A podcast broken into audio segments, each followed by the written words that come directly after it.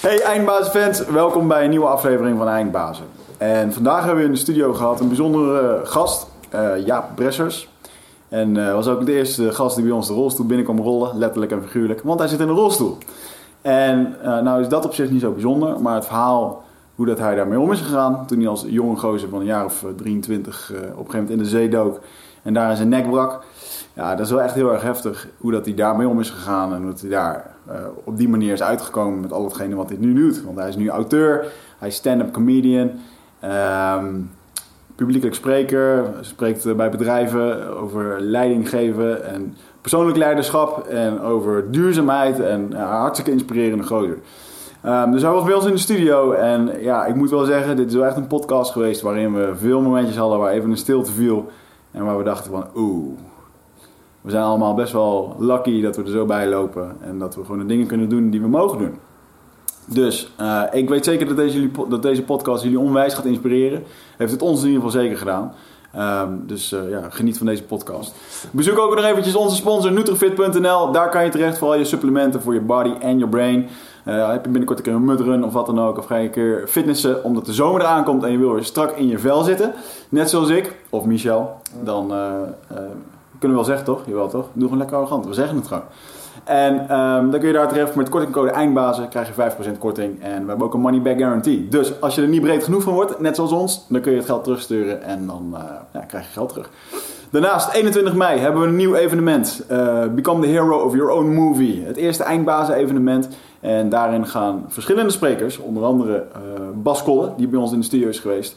Iemand die op de Nijrode Universiteit lesgeeft over persoonlijk leiderschap en over leiderschap in het algemeen. Heeft ook een managementboek geschreven, wat op dit moment op nummer 1 staat. Word een held. En word een held van je eigen leven. Gaat daar het thema worden. Dus hoe kan je doelen stellen? Hoe kan je je eigen visie creëren? En hoe kan je daar vervolgens met, ja, hoe kan je dat vervolgens met beide handen eigenlijk aan gaan grijpen om daar ook wat mee te gaan doen, zodat jij het leven kan creëren wat jij wil voor jezelf. Um, en 1 juni starten we met 12 Waves. 12 Waves is een trainingsprogramma uh, wat we hebben georganiseerd, ik en Michel, waarbij we uh, eigenlijk alle kennis van onszelf die wij gebruiken bij het ondernemen, onder andere voor het opzetten van de podcast en alle andere dingen die we doen, ja, om die kennis eigenlijk te bundelen met de kennis van de eindbazen die bij ons in de studio zijn geweest. Dus al die gasten die ons hebben geïnspireerd met goede ideeën, goede management ideeën, goede persoonlijk leiderschap ideeën, uh, ja, hoe je beter voor jezelf kan zorgen. Die hebben we gecombineerd in een programma van 42 stappen. En we gaan je daarin in 12 weken meenemen om het uiterste uit jezelf te halen. Uh, super gaaf programma en het heeft echt alles in zich. Uh, van body, mind tot en met hoe je jezelf kan organiseren. Tot en met uh, ja, gewoon hoe je doelen kan stellen voor de komende drie jaar. En ja, wij hebben er in ieder geval heel, heel veel in geïnvesteerd de afgelopen jaren. En dat willen we graag teruggeven op die manier. En dat gaat van start op 1 juni. Kijk ervoor bij ons op de website eindbazen.nl en veel plezier met deze podcast. Ciao. Eindbazen wordt gesponsord door Nutrofit. De webshop voor natuurlijke voedingssupplementen en trainingsmaterialen die je helpen bij het verkrijgen van Total Human Optimization. Nutrofit is hofleverancier van merken zoals Onnit, Natural Stacks en Bulletproof Coffee. Probeer onze producten zonder risico door onze money back guarantee. Bezoek ons op www.nutrofit.nl. Bestel je voor 9 uur s avonds, dan zorgen wij dat jouw bestelling de volgende dag geleverd wordt.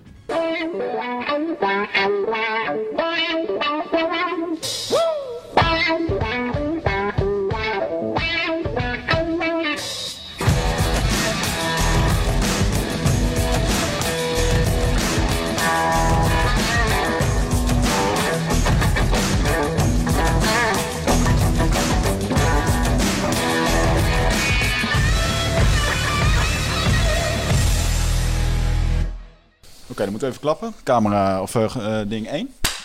2. Nee, dat kan ik niet. dat ging goed. ik vind wel dat we deze erin houden. Ja, dat we ja, doen. Nou, we beginnen gewoon even fuck de gast. Gewoon. Ja, even, dit, uh, even pesten. Ja, het blijkt nee. alweer dat we een stand-up comedian uh, in de zaal hebben. Of een sit-up comedian moet ik het eigenlijk zeggen. En uh, ja, dit was eigenlijk de meest mooie opening die we tot nu toe dan ook hebben gehad, vind ik. um, vandaag in de studio hebben we Jaap Bressers. En uh, Jaap, ja, ik ben op jouw pad gekomen via onze collega cabaretier uh, Leon van der Zanden. Ja. Die duwde mijn boek in mijn handen van dit moet je lezen. En dat was jouw boek Waar een wiel is, is een weg. en dat heb ik toen ja, op een zaterdagmiddag in twee uur uitgelezen. Dat is heel bijzonder. Dat ik dat doe. dus dat betekende wat. En ehm, ja, wat ik eigenlijk wel heel erg bijzonder vond, was dat het een boek was over een, eh, een jonge kerel. Waar ik mezelf wel mee kon identificeren. Met eh, een carrièrejager, een hoop plannen. En ja, jouw leven heeft wel echt een hele bijzondere wending genomen. En ehm, ja, ik vind het eigenlijk zonde als ik die, heel die intro ga doen. Dus ik wil eigenlijk gewoon eh, aan jou vragen waar het begonnen is. En eh, ja, gewoon eventjes... Nou, je kan het zelf het beste doen, denk ik. Dus ehm, Ja, nou ja, dat is een zweterige nacht in 1983. Daar is het allemaal begonnen, denk ik. Maar eh, de, als je doelt zeg maar, op het ongeval, eh, waar, Ja. waar mijn leven echt een andere, andere kant op gegaan is, dat is eh 20 juli 2005 is dat, is dat geweest. En ehm, nou ja, de, de, laat, laat ik eigenlijk eerst eens schetsen. Eh, inderdaad, een, een, eh, een jongen studeren eh, aan de universiteit. Ehm, echt wel de ambitie, als we iets doen, doen we het goed. Mm. En dan gaan we ook echt de top bereiken. Dan gaan we topmanager worden. Ik ga Shell, Unilever, hè, dat soort bedrijven gaan we een beetje bestormen. En dan gaan we veel, veel reizen. ehm, en al misschien eh, 70, 80, 90 uur in de week werken. Maar wel daarvan genieten, zeg maar. En dan, dan hebben we het ook wel gemaakt. Dus ik werkte ook eh, naast mijn studie zo'n 30 uur erbij. Ehm, ook wel eh, veel in kroegen. Want ik vond, ja, ik kon achter de bar staan. Of tenminste, aan deze kant van de bar, dan moest ik ervoor betalen. En aan die kant van de bar kreeg ik er geld bij. Ja, nou ja, als je een beetje slim bent, dan, eh, dan kun je dat ook nog wel op een leuke manier doen. maar ja, Ja, twee maanden per jaar naar het buitenland. Want, eh, daar een beetje internationale ervaring op doen. Maar ook veel feesten, veel genieten. En ehm, ja, ik zeg al op 20 juli. Ik, ik denk dat het nu of half twee was. Eh, lekker warm. Ik lag met wat vrienden op het strand. En eh, ik loop even op mijn gemak het water in om even op te frissen. En er, er komt een golf aan. En die, die, die, die zal ik ook niet vergeten. Ehm, daar staat gewoon echt mijn naam op. Gewoon zo groot, die, die, die gewoon absurd. Ja, een surfer die, die, die zou er helemaal blij van worden. Echt gewoon zo gaaf. Eh, ook die toren boven alles en iedereen uit. eh, die, eh, en ik denk, ja, dat is mijn golf. Daar Hmm. staat mijn naam op. En dus ik wacht ook gewoon totdat hij bij me is. En ik sta op mijn middel ongeveer in het water. Totdat die grote jongen recht voor mijn neus staat. En waar het stand duik ik voorover dat water in, door die golf heen. En ik duik te stijl naar beneden. Ik klap met mijn hoofd tegen de zeebodem aan. Ik hoor krak. En ehm, ik breek mijn nek. En ehm, ja, what the fuck. Ik gewoon in, in, in een fractie van een seconde eh, verandert alles. Echt, ehm, ik dreef mijn gezicht naar beneden. En in het begin krijg je zo'n zo'n schok-effect. En eh, eigenlijk al vrij snel merkte ik dat ik echt absoluut niks kon bewegen. En je drijft met je gezicht naar beneden. Dus ehm, dan komt de afhankelijkheid. hmm. Ja, van zuurstof. van zuurstof. En ook eens van anderen. Ja. Want eh, ja, ik kan mezelf niet omdraaien. Maar goed, ja, er zijn duizenden mensen op het strand. Eh daar komt wel iemand. ja. En, eh, Ja, dit gebeurt een metertje of twee, drie, zeg maar, het water in. Nee, dat is zelfs ik denk een meter of 20, 30 de, het water in. Die zee in Portugal die loopt heel langzaam eh, af eh, eigenlijk. En daar heb ik me waarschijnlijk ook in vergist. In Nederland dan op een gegeven moment ga je vrij snel Ja. Ja. eh, naar beneden. En daar blijft dat heel lang eigenlijk een beetje vlak. En ja, ik hoor duizenden mensen om me heen. Ik hoor kinderen spelen. Ik hoor zo'n bal over het water kaatsen van die beachball setjes. vakantievreugde, plezier. Eh, lachende, schreeuwende kinderen. En, Dit hoor jij allemaal op de achtergrond terwijl jij kopje onder. Ja, en ik kan alleen maar wachten. Ja. En ehm, dat duurt lang. Dan kan ik je, ja, hoe lang kun je je adem inhouden? Een minuutje Dat is of twee misschien. Ja, maar ja, als het echt nodig is, dan denk ik dat je in, in richting die kant gaat. Ja. Want ook met mijn, heel mijn lichaam was ook nog afgesloten. Dus het was echt gewoon puur vechten. En Hmm. eh, ik heb me heel even gered gevoeld. Ik zag in mijn ooghoeken zag ik een hand op me afkomen. En echt, ik voelde gewoon een slaak van verlichting. En eh, het bleek dat ik in mijn ooghoeken naar mijn eigen arm aan het kijken was. Oh fuck, je had gewoon niet meer in de gaten dat dat daar dreef omdat je het niet meer kon waarnemen. Nee, maar eh, ik had er totaal geen contact met mij. En die, die arm die bewoog ook in, op zulke manieren dat dat, dat, daar, ja, dat dat niet meer van mij was. Mhm. En, ehm, en dan op een gegeven moment, eh, ja, dan, dan ga je afscheid nemen. Heftig. En gaat dat, snel, eh, man. Twee minuten de tijd. Dus van het ene moment gewoon lekker in het zonnetje naar afscheid nemen. Ja, ja, In 120 seconden tijd. Ja. Wauw. ja, dat is echt... eh, en ik zou je zeggen, ik heb me nog nooit zo alleen gevoeld. Ja. Op dat moment, zeg maar. Op dat moment daar in het water. eh, dat je terugkijkt. En eh, dat vond ik eigenlijk nog wel het meest... om die podcast maar even luchtig te beginnen natuurlijk. ja, dat mensen er even rustig in komen in dit hele geheel. Bedoel, anders zou het heel zwaar worden. En, Ze zijn wat eh, gewend hier. jullie.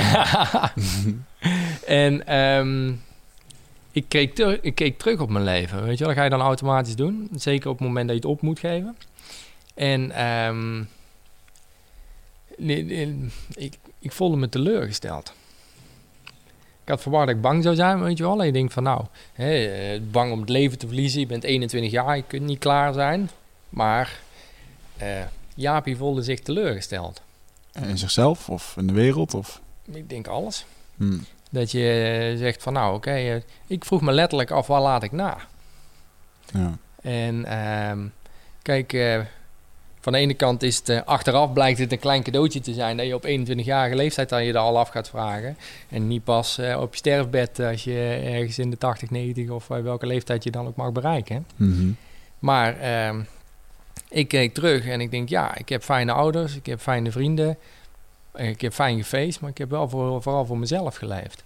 En ehm, die conclusie stond mij niet aan in ieder geval. Of in ieder geval, er was niet iets dat ik zeg van, nou, daar word ik nou intens vrolijk van. Nee.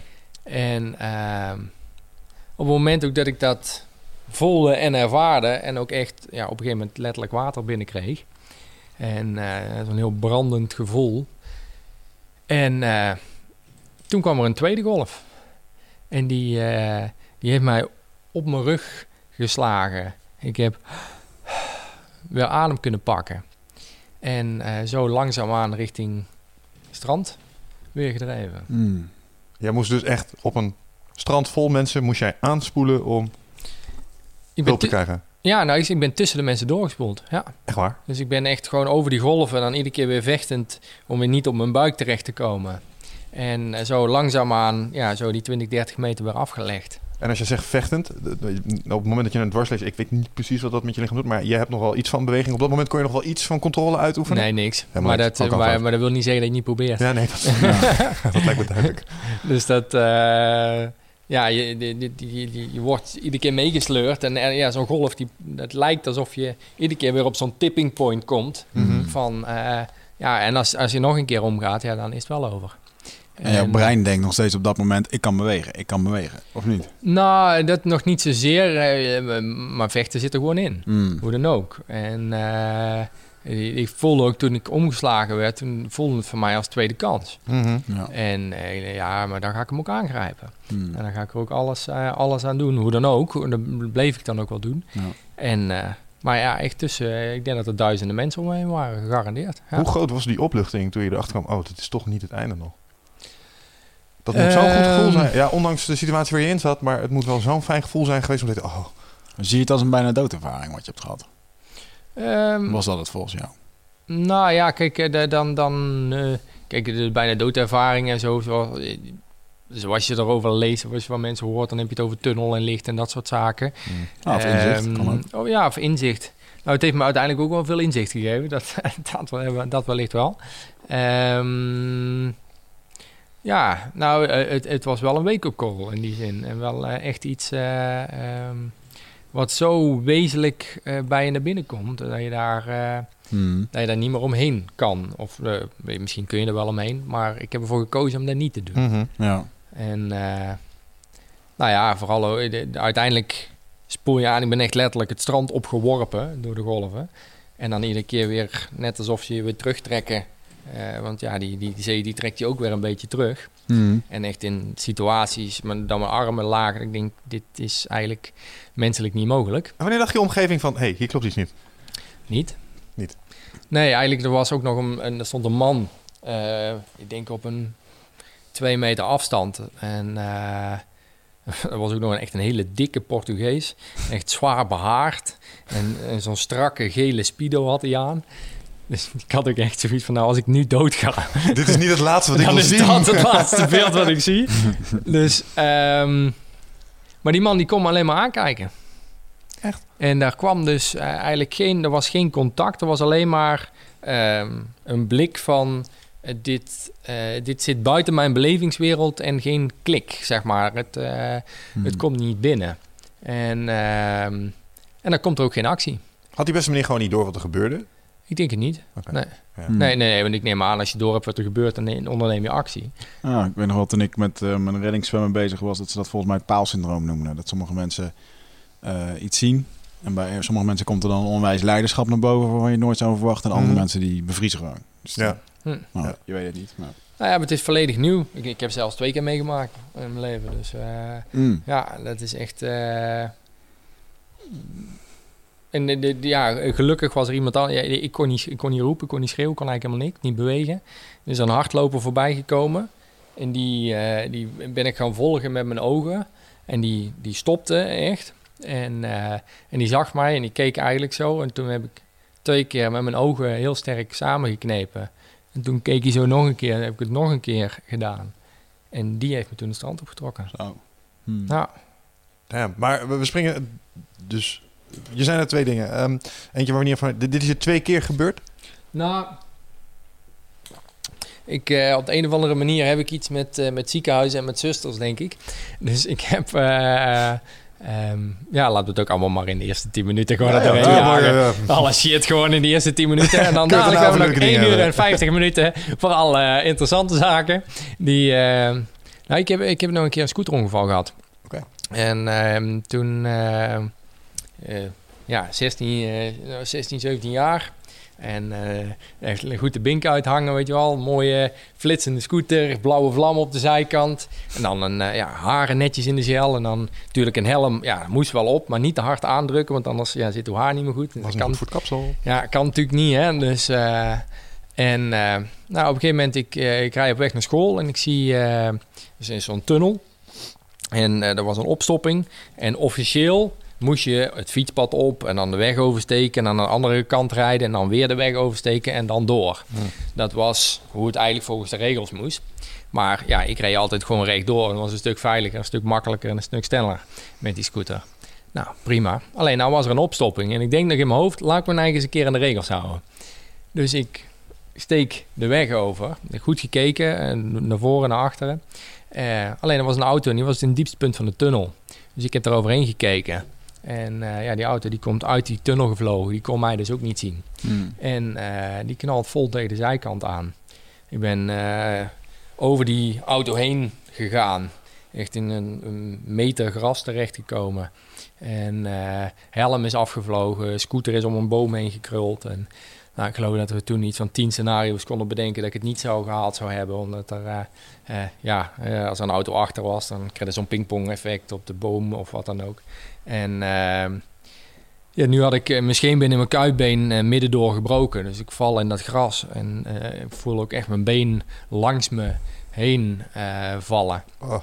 Ja, dat is niet het meest eh, Oh. prettige nee. gevoel om op te roepen.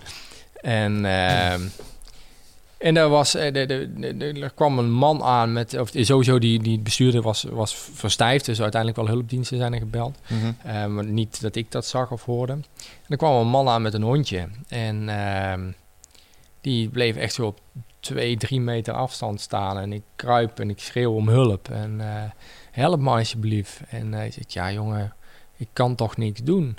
En hij bleef dus ook echt gewoon op drie meter afstand staan. En toen ben ik zelf door het gras gaan tijgeren. Heb geprobeerd mijn telefoon te pakken. Die was uit elkaar gevallen. Ben ik echt drie onderdelen bij elkaar gaan zoeken om gewoon een ambulance te bellen. Zo. En eh, ja, dat, eh, dat, is, eh, dat zijn, zijn een paar, eh, paar losse eh, vrijdagmiddagen zo. eh. Ik kan me dat toch echt niet voorstellen dat als je zoiets ziet. Ik, ik kan me voorstellen dat je schrikt in eerste instantie. Maar zelfs als dat je niets kan doen, dan is toch de eerste wat je wil is hulp halen of zo. Of denk ik nou Eh, echt te makkelijk? Nee, ja, ik heb dat ook wel eens een keer meegemaakt. Dat mensen gewoon dichtslaan. Ja. Kun je ze dat kwalijk nemen? Ik kan me voorstellen. Word je daar achteraf niet een beetje boos om? eh, ik, ik ben heel boos geweest. Ja, Eh, Ik kan me voorstellen. Ik ben in het vooral na het eerste ongeval ben ik heel boos geweest. En heb ik ook vooral eh, de ander van alles kwalijk genomen. Hm. Die man die mij aangereden had, die is ook nog een keer bij mij langs geweest. En eh, ik heb hem niet aan kunnen kijken. Nee? Mm. Hm. Nee, ik was... ja, in die zin eh, zo boos. Eh, ik had zoveel pijn. Ik heb eh, een jaar lang, of ja, drie kwart jaar bijna niet kunnen lopen. En uiteindelijk weer revalideren, pinnen erin. Toen, Ja. toen ik weer een beetje kon lopen, moesten de pinnen er weer uit. Dus weer een half jaar traject in en zo. Mhm. En nou ja, ik vond gewoon zijn schuld. Mhm. Hij had mij aangereden en daar had ik nog wel wat andere termen bij. Zoals boos op de wereld. Ja. Ja, ja. En ehm, achteraf heeft me het zoveel gekost. Zo, mij vooral zoveel gekost. Die woede bedoel je? Die woede, ja. ja. ja. Dat ehm, die man die kon er ook niks aan doen. Die wil dat ook Dus niet. eh, als hij luistert, sorry. En, We gaan hem eh, zoeken via de podcast. Ja, precies. Mail naar. En ehm, nee, maar die, eh, eh, die man had waarschijnlijk een net zo groot trauma als ik. Hmm.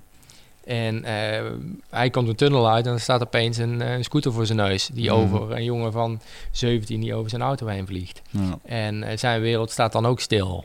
En, ehm, maar dat, ja, dat zag ik niet. Ik was bezig, ik heb een scooter van 5200 gulden, had ik keihard voor gewerkt, totaal los. Was net één maand uit de all risk. Hmm. Weet je wel, omdat ze de...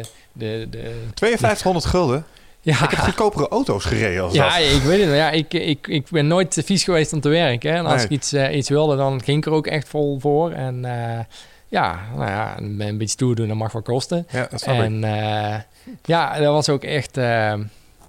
maar de- ja, daar heb ik in die zin wel uiteindelijk iets... Ik, ik, ik heb er later wel eens over nagedacht... dat er een kleine voorbereiding was op hetgene wat ik nu meegemaakt heb. Hm, ja. Want ik ben nu niet meer boos of niet meer boos geweest... in vele mindere mate. Ja, maar er zijn nog een aantal standaard van die stappen die mensen doorgaan op het moment dat ze iets traumatisch meekrijgen. Een stukje ontkenning, een stukje Mhm. woede, een stukje acceptatie en dat soort dingen. Ehm, nou ja, in dat eerste, eh, die eerste situatie heb je die volgens mij wel redelijk duidelijk doorlopen. Dus vooral dat stukje woede als ik je zo beluister. Ja. Heb je echt het gevoel dat, dat het daardoor makkelijker was wat je daarna echt voor je kies hebt gekregen? Nou ja, eh, eh, om het woord makkelijk en hoog Ja. dwarslezen in één, één zin te doen is... eh, Iets Maar, wat te kort de bocht, dat snap ik. Ja. Nee, nee, nee, helemaal niet. Maar het, het is wel... ehm, eh, ik ben blij dat ik daar iets van geleerd heb vooral. Hm. En, en dat is wel iets wat ik sowieso in mijn leven meegenomen heb. Van als er iets gebeurt... ja, één hoofdstuk in het boek is ook... als je dan toch shit op je pad krijgt... dan kun je het net zo goed als mest gebruiken. En eh, Oh ja, ja. ja, nee, maar die, die shit hebben we toch. En, en eh, daar ben ik niet alleen, dat heeft iedereen. En, ehm, en dat, dat vond ik wel een van de meest bijzondere dingen om daarachter te komen. Dat, eh, ik zat vooral in mijn eigen wereldje. Hè, Hmm. Van het overkwam mij. Hè? En als ik dan naar de buitenwereld kijk en naar mijn vriendjes keek of naar, Mhm. hè, naar anderen keek, ja, die hadden het allemaal wel goed voor elkaar. Of die, eh, die fiets, fietste wel door het leven heen. Nou, is, niks is, is minder waar, want ik heb, ik heb inmiddels echt al zoveel mensen gesproken. Ik zeg het ook regelmatig in mijn presentaties, dat ehm, iedereen in die zaal, en ik kan ook nou trouwens zeggen, iedereen die naar deze podcast luistert, die, ehm, die heeft iets meegemaakt en daar hoef ik niet mee te ruilen. Hmm. Hm. Ja. En ehm, deze is zichtbaar. En als iets zichtbaar is, dan snappen we het, weet je wel. Of dan hebben we een bepaald beeld bij en dan kunnen we daar een bepaalde belevingswereld bij. Of iets oproepen van wat iets mogelijk zou kunnen zijn. Hmm. En of dat dan volledig strookt, dat is dan ook nog vers 2. Maar hè, daar heb je een bepaald beeld van. En ehm, ik heb al zoveel verhalen gehoord, zoveel mensen gesproken. Echt, ik hoef oprecht met niemand te ruilen. En eh, kijk, de uitdagingen die je hebt, hoe je daarmee omgaat, dat bepaalt het. Tenminste voor mij. En eh, ja, als ik dan, eh, als ik dan toch zie, ik, eh, ik heb best wel wat, wat dingetjes op mijn pad gekregen. Dat heeft me heel veel gekost. Ik, eh, het is echt niet dat ik daar nou om zit te springen. Maar het heeft me uiteindelijk ook iets opgeleverd. Mhm. En dat is niet zo dat het dan goed of slecht is, maar dat het is misschien beide of geen van beide. Ja. Dus Ja, wat heb, je hebt in dat opzicht natuurlijk... eh, Je zei het net al, nou, we storten lekker even alle ellende in de eerste 10, 15 minuten van de podcast uit. Want je hebt wel wat op je bord gehad in dat opzicht. Maar eh, wat jouw verhaal denk ik zo bijzonder maakt... is wat je vervolgens bent gaan doen... op het moment dat het leven je dit voor de voeten gooide. Ik bedoel, je bent alles behalve bij de pakken gaan neerzitten. En je hebt wel daadwerkelijk eh, nou ja, alles eraan gedaan om er, eh, om er nog iets fantastisch van te maken. Maar volgens mij is dat gekomen door dat moment... waar, waar je het daar straks over had van... oké, ik was een klein beetje teleurgesteld toen je daar zeg maar met je gezicht naar beneden in het water lag te dobberen. ja, nou ja, het is. ehm, ik denk dat dat de trigger was. Voor mij. Eh, gewoon eh, echt, eh, er is, er is zo'n liedje, ik geloof van Bram van Meulen is dat van... ik heb een steen verlegd.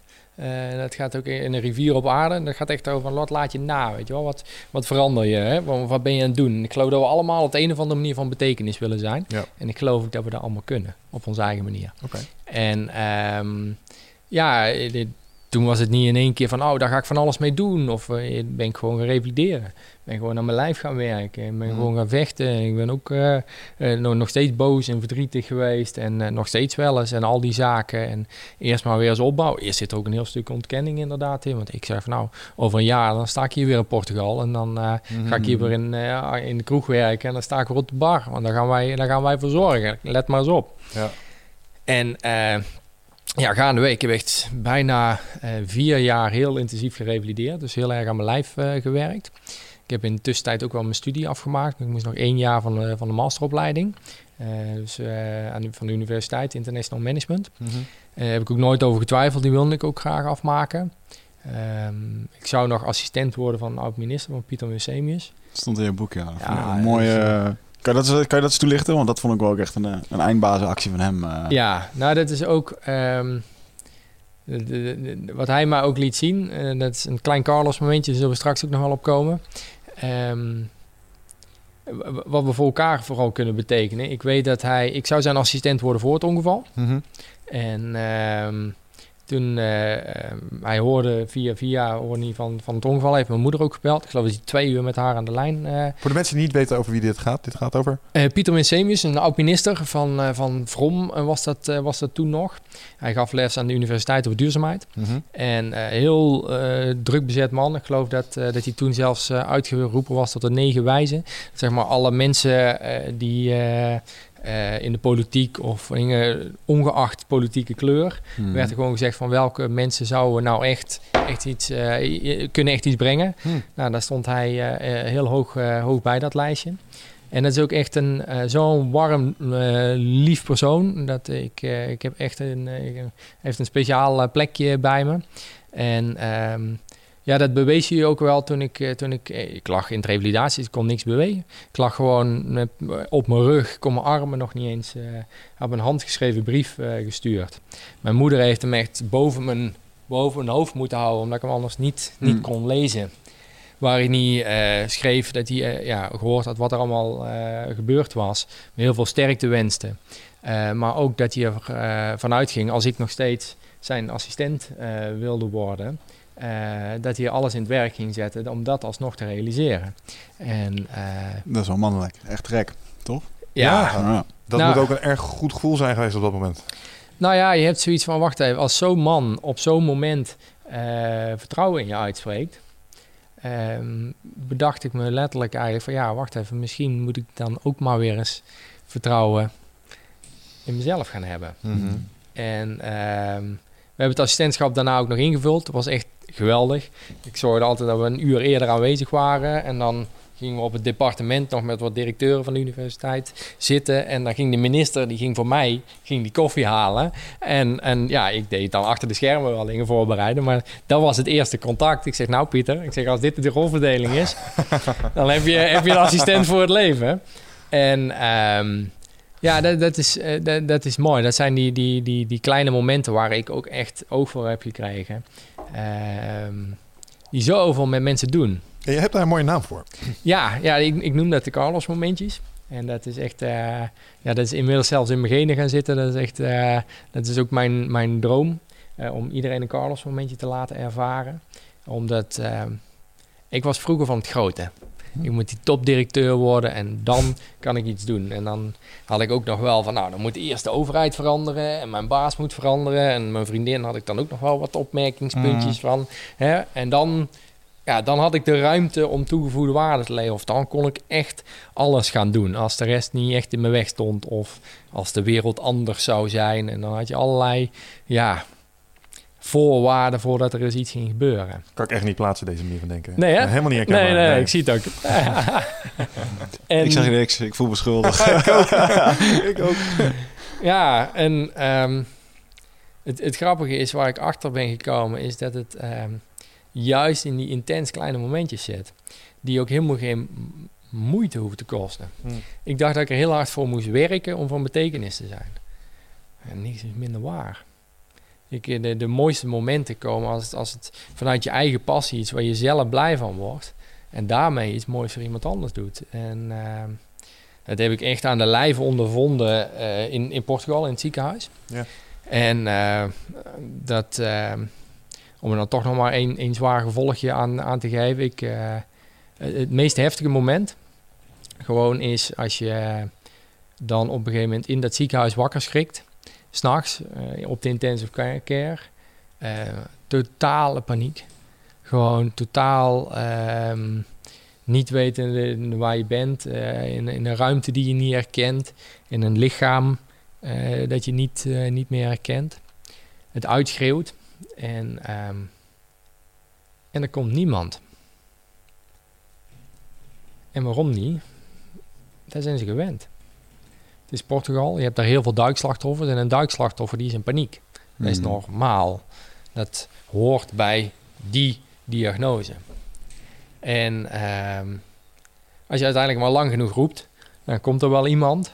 En die, eh, dan zie je in je ooghoeken nog net hoe ze keurig netjes die monitoren naast je controleren. En ze lopen weer weg. En ehm, dat, dat doet zoiets met je. Dat is echt, eh, ja, dat, dat, dat snijdt overal, eh, overal doorheen. Ja. En toen opeens in de nachtdienst komt, eh, komt Carlos. En Carlos is een broeder die daar werkte. Hij, ehm, hij schatte die situatie goed in. Hij heeft ook de rest van het team geïnstrueerd. Hij zei, luister, als Jaap s'nachts in paniek wakker schiet, ga er even naartoe. Gewoon, ga er even naartoe. En leg je hand op zijn schouder, op een plek waar ik het nog wel kan voelen. En zeg, it's okay. En die drie woorden, it is okay, dat was alles wat ik nodig had. En ehm, daardoor ging ik van alle paniek, frustratie, twijfel, onzekerheid, ging ik weer naar rust en in ieder geval dat ik die energie ook weer in herstel kon gaan steken. Hmm. En ehm, daar heb ik op dat moment niet volledig gerealiseerd. Wel dat hij echt het verschil maakte. En zeker ook dat toen hij, toen hij dat ook uitlegde aan anderen, zodat anderen ook de gelegenheid kregen om dat Ja. te gaan doen. Maar ehm, later eh, ben ik het daar pas echt over, over na gaan denken. En van, ja, wacht eens even, wat was dat nou? En, ehm, en ik, ik heb het hem toen ook verteld van wat hij, ja, wat hij voor mij gedaan had, van hoe belangrijk dat het eigenlijk was. En daar werd hij heel ongemakkelijk van in eerste instantie. Echt? Hè? Ja, eh, ik weet niet, maar ja, hoe reageer jij als je e- echt een oprecht complimentje krijgt? Eh, Dat, ja. Dan op de een of andere manier vinden we dat heel spannend. Dan moet je een beetje, ja, oh, dan, Hmm. ja, nee, dat is toch, ja, het is toch Doe maar normaal. dat doe je al gek genoeg. Ja. Ja, hè? ja, dat, eh, ja. Oh, dat hoort er bij mijn werk of dat soort zaken. En ehm, de, ik vraag het ook regelmatig aan de zaal. En, en dan, die zijn super creatief. Dan krijg je gewoon tien manieren om hetzelfde te zeggen. Hè, van nou, dat is toch normaal, dat is toch maar iets kleins. Dat hoort er bij mijn werk, had je van mij toch ook gedaan. En het is allemaal gericht op het wegwuiven. Hmm. Hmm. Op het niet binnenlaten, niet hoeven te realiseren dat dat momentje belangrijk was. En ehm, ja, toen ben ik me dus afgevraagd, ja, maar wacht eens even, wat als we dat wel gaan doen? Wat als je gaat realiseren dat zoiets kleins zo waardevol kan zijn? Is dat het misschien ook waarom we het zo ongemakkelijk vinden? Ja, De waarde die het heeft? Het is, het is een soort van intimiteit ook misschien? het is heel intiem. Ja. Ja. Maar, maar zelfs de, de meest kleine dingen, als, eh, als ik in, in de zaal tegen een dame zeg van, oh, heb je een mooie sjaal aan? Eh, oh ja, nee, dat was maar een aanbiedingje. Of eh, ja, nee, die heb ik al, oh, de oude ding, die heb ik al zo lang. Ja, ja, ja. Ja, zelfs echt gewoon dingen die, die nog geen eens echt wezenlijk bij jezelf komen, vinden we al spannend. Hmm. Terwijl ik geloof dat we allemaal de intrinsieke behoefte hebben om van betekenis te zijn of iets moois te doen. Mhm. Alleen dan komen we het brengen en dan zeggen we, nou, dat was echt, echt gaaf, dat was mooi, dat was bijzonder. En dan zeggen we, ja, doe maar niet. Ja, dat is de bescheidenheid, hè? Dat zijn de spelregels die in elkaar hebben afgespeeld. Daar hoor je bescheiden over te zijn. Ja, maar dit, ja, dat, dat vind ik dan heel bullshit. Ja, ja, dat is het Ja. ook. Maar dat is nou eenmaal Ja. zoals het spel, eh, het spel gespeeld wordt momenteel. Maar het, het is wel goed maar om dat komt te dat zien. niet helemaal erg voort? Ik zit toevallig net een boek te lezen van... eh, De laatste kaarten zijn beschikbaar voor het Rite of Passage Retreat op 24, 25 en 26 mei. Ben jij erbij? Het is een volgende stap in je persoonlijke groei. Eh, een weekend waarbij de belofte is dat het een tikkeltje oncomfortabel gaat worden. Maar daar ligt natuurlijk wel gewoon de groei om meer helderheid te krijgen in je leven. Om uit je hoofd te komen, in het lichaam. ehm, achter te laten wat je niet meer dient. En om echt de volgende stap te maken door de oude patronen te doorbreken, te doorzien, te doorvoelen en, en te helen. En daarvoor wil ik je heel graag uitnodigen.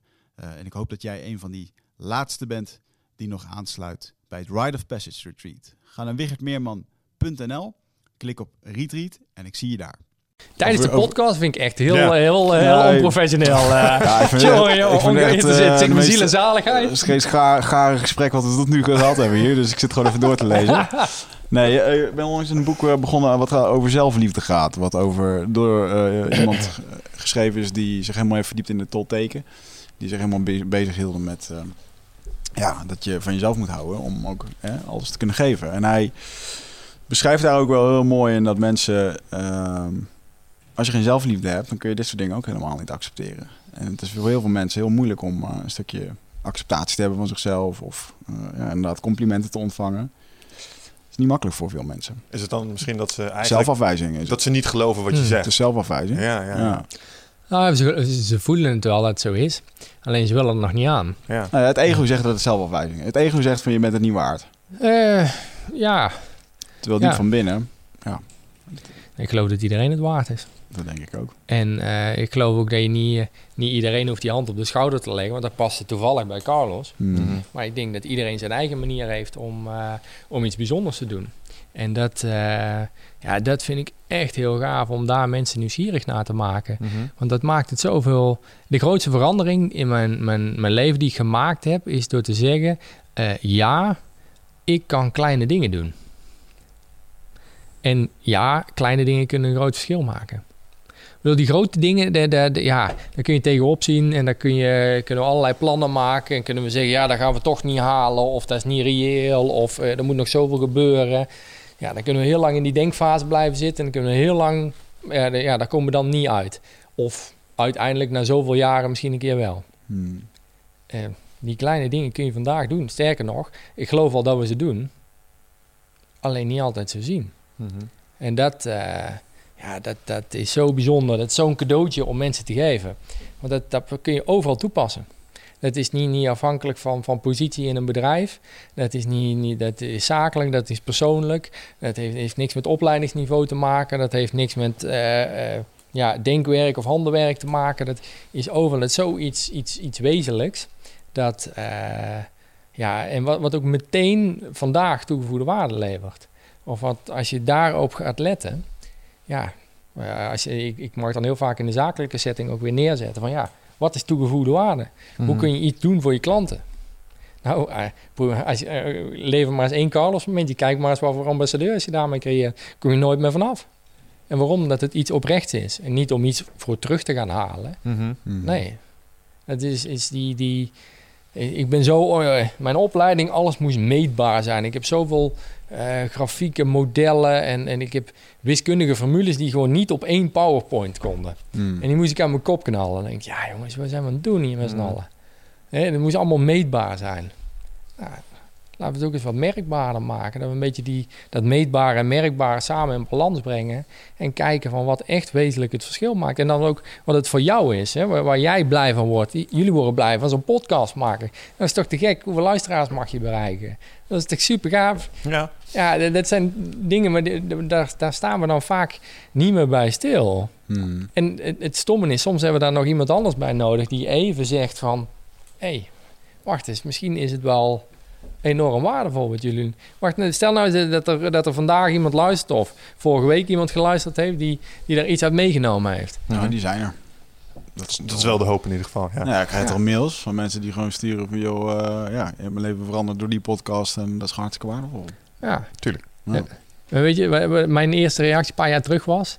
Ik denk, oh, gaaf. Maar ik moet wel een antwoord. Ik heb het eigenlijk druk. En dan, eh, shit, die moet ik ook nog beantwoorden. En ik heb nog dit te doen en ik heb nog dat te doen. En dan ga ik iets terugsturen. Moet ik wel iets goeds terugsturen. Ja. En ja, ook dat is niet meer relevant, zeg maar. Het gaat over van, ja, laten we eens die energie steken in, in, in het even binnen laten komen. En dan, ja, weet je vanzelf wel wat je terug mag sturen. Mhm. En dat, eh, ja, dat, dat vind ik zo, ja, dat, dat is zoiets apart. Het is zo wezenlijk. Hm. En het lijkt wel alsof we het bijna allemaal vergeten zijn. En ja, ik zeg wel eens, ik heb er mijn nek voor moeten breken om te beseffen. Ja. Ik adviseer mensen om er iets eerder aan te beginnen. Hmm. Eh, wat je eigenlijk zegt is, we nemen het allemaal een beetje te veel voor lief. Met dat ik dit zit te beluisteren, denk ik me ook... Oh, ik neem zoveel dingen gewoon echt voor lief. Weet je wel? Of ik waardeer ze niet voor wat ze waard zijn. Bijvoorbeeld, er zijn, eh, er zijn, deze aflevering was er niet één van. Maar je zegt net podcast is hartstikke leuk. Er zijn wel eens podcasts. Dan zit je van tevoren en denk je... Oh, ik moet straks podcasten. Terwijl het echt fantastisch is om Ja. te doen en te mogen doen. En dan zit je ermee blij dat je het weer gedaan hebt. Maar ja, daar mag je best wel een stukje dankbaarheid voor voelen af en toe. En het vooral niet voor lief nemen dat je hier op zo'n manier mag zitten. En als het daarvoor waar is, is het voor een heleboel andere dingen natuurlijk ook gewoon waar. Ja. Nou, weet je wat mij heel erg geholpen heeft? Ehm, ruimte creëren. Ik merk dat, dat we de agenda zo vol plannen. En dan ja, ga je van het ene naar het volgende. En dan, ja, dan is er ook gewoon geen ruimte voor, voor dankbaarheid. Want dan denk ik, ja, het, Ja. Zou, het, zou, het kan wel zijn dankbaar, maar ik moet opschieten. Want ik heb nog dit te doen. En ik, tijdens die podcast ben je aan het nadenken van... oh, wacht even, ik heb in de agenda... waar heb ik nog dit en dit heb ik nog te regelen. En morgen moet ik dat nog fixen. En oh, heb ik daar al aan gedacht. En heb ik nog genoeg melk in de koelkast staan, bij wijze van spreken. Hè, Mm. Je kunt van allerlei dingen in je, in, in je hoofd halen. En ehm, volgens mij is de uitdaging niet om ehm, nog een uur extra te gaan werken. Daar, daar kunnen we wel. Volgens mij is meer productie draaien. Dat, dat hebben we met z'n allen wel uitgeprobeerd. En de efficiëntie in uren, dat soort zaken, dat kunnen we wel. Volgens mij is de uitdaging om juist een stapje terug te doen. Gewoon één dingetje minder te doen, een keer nee te zeggen tegen iets.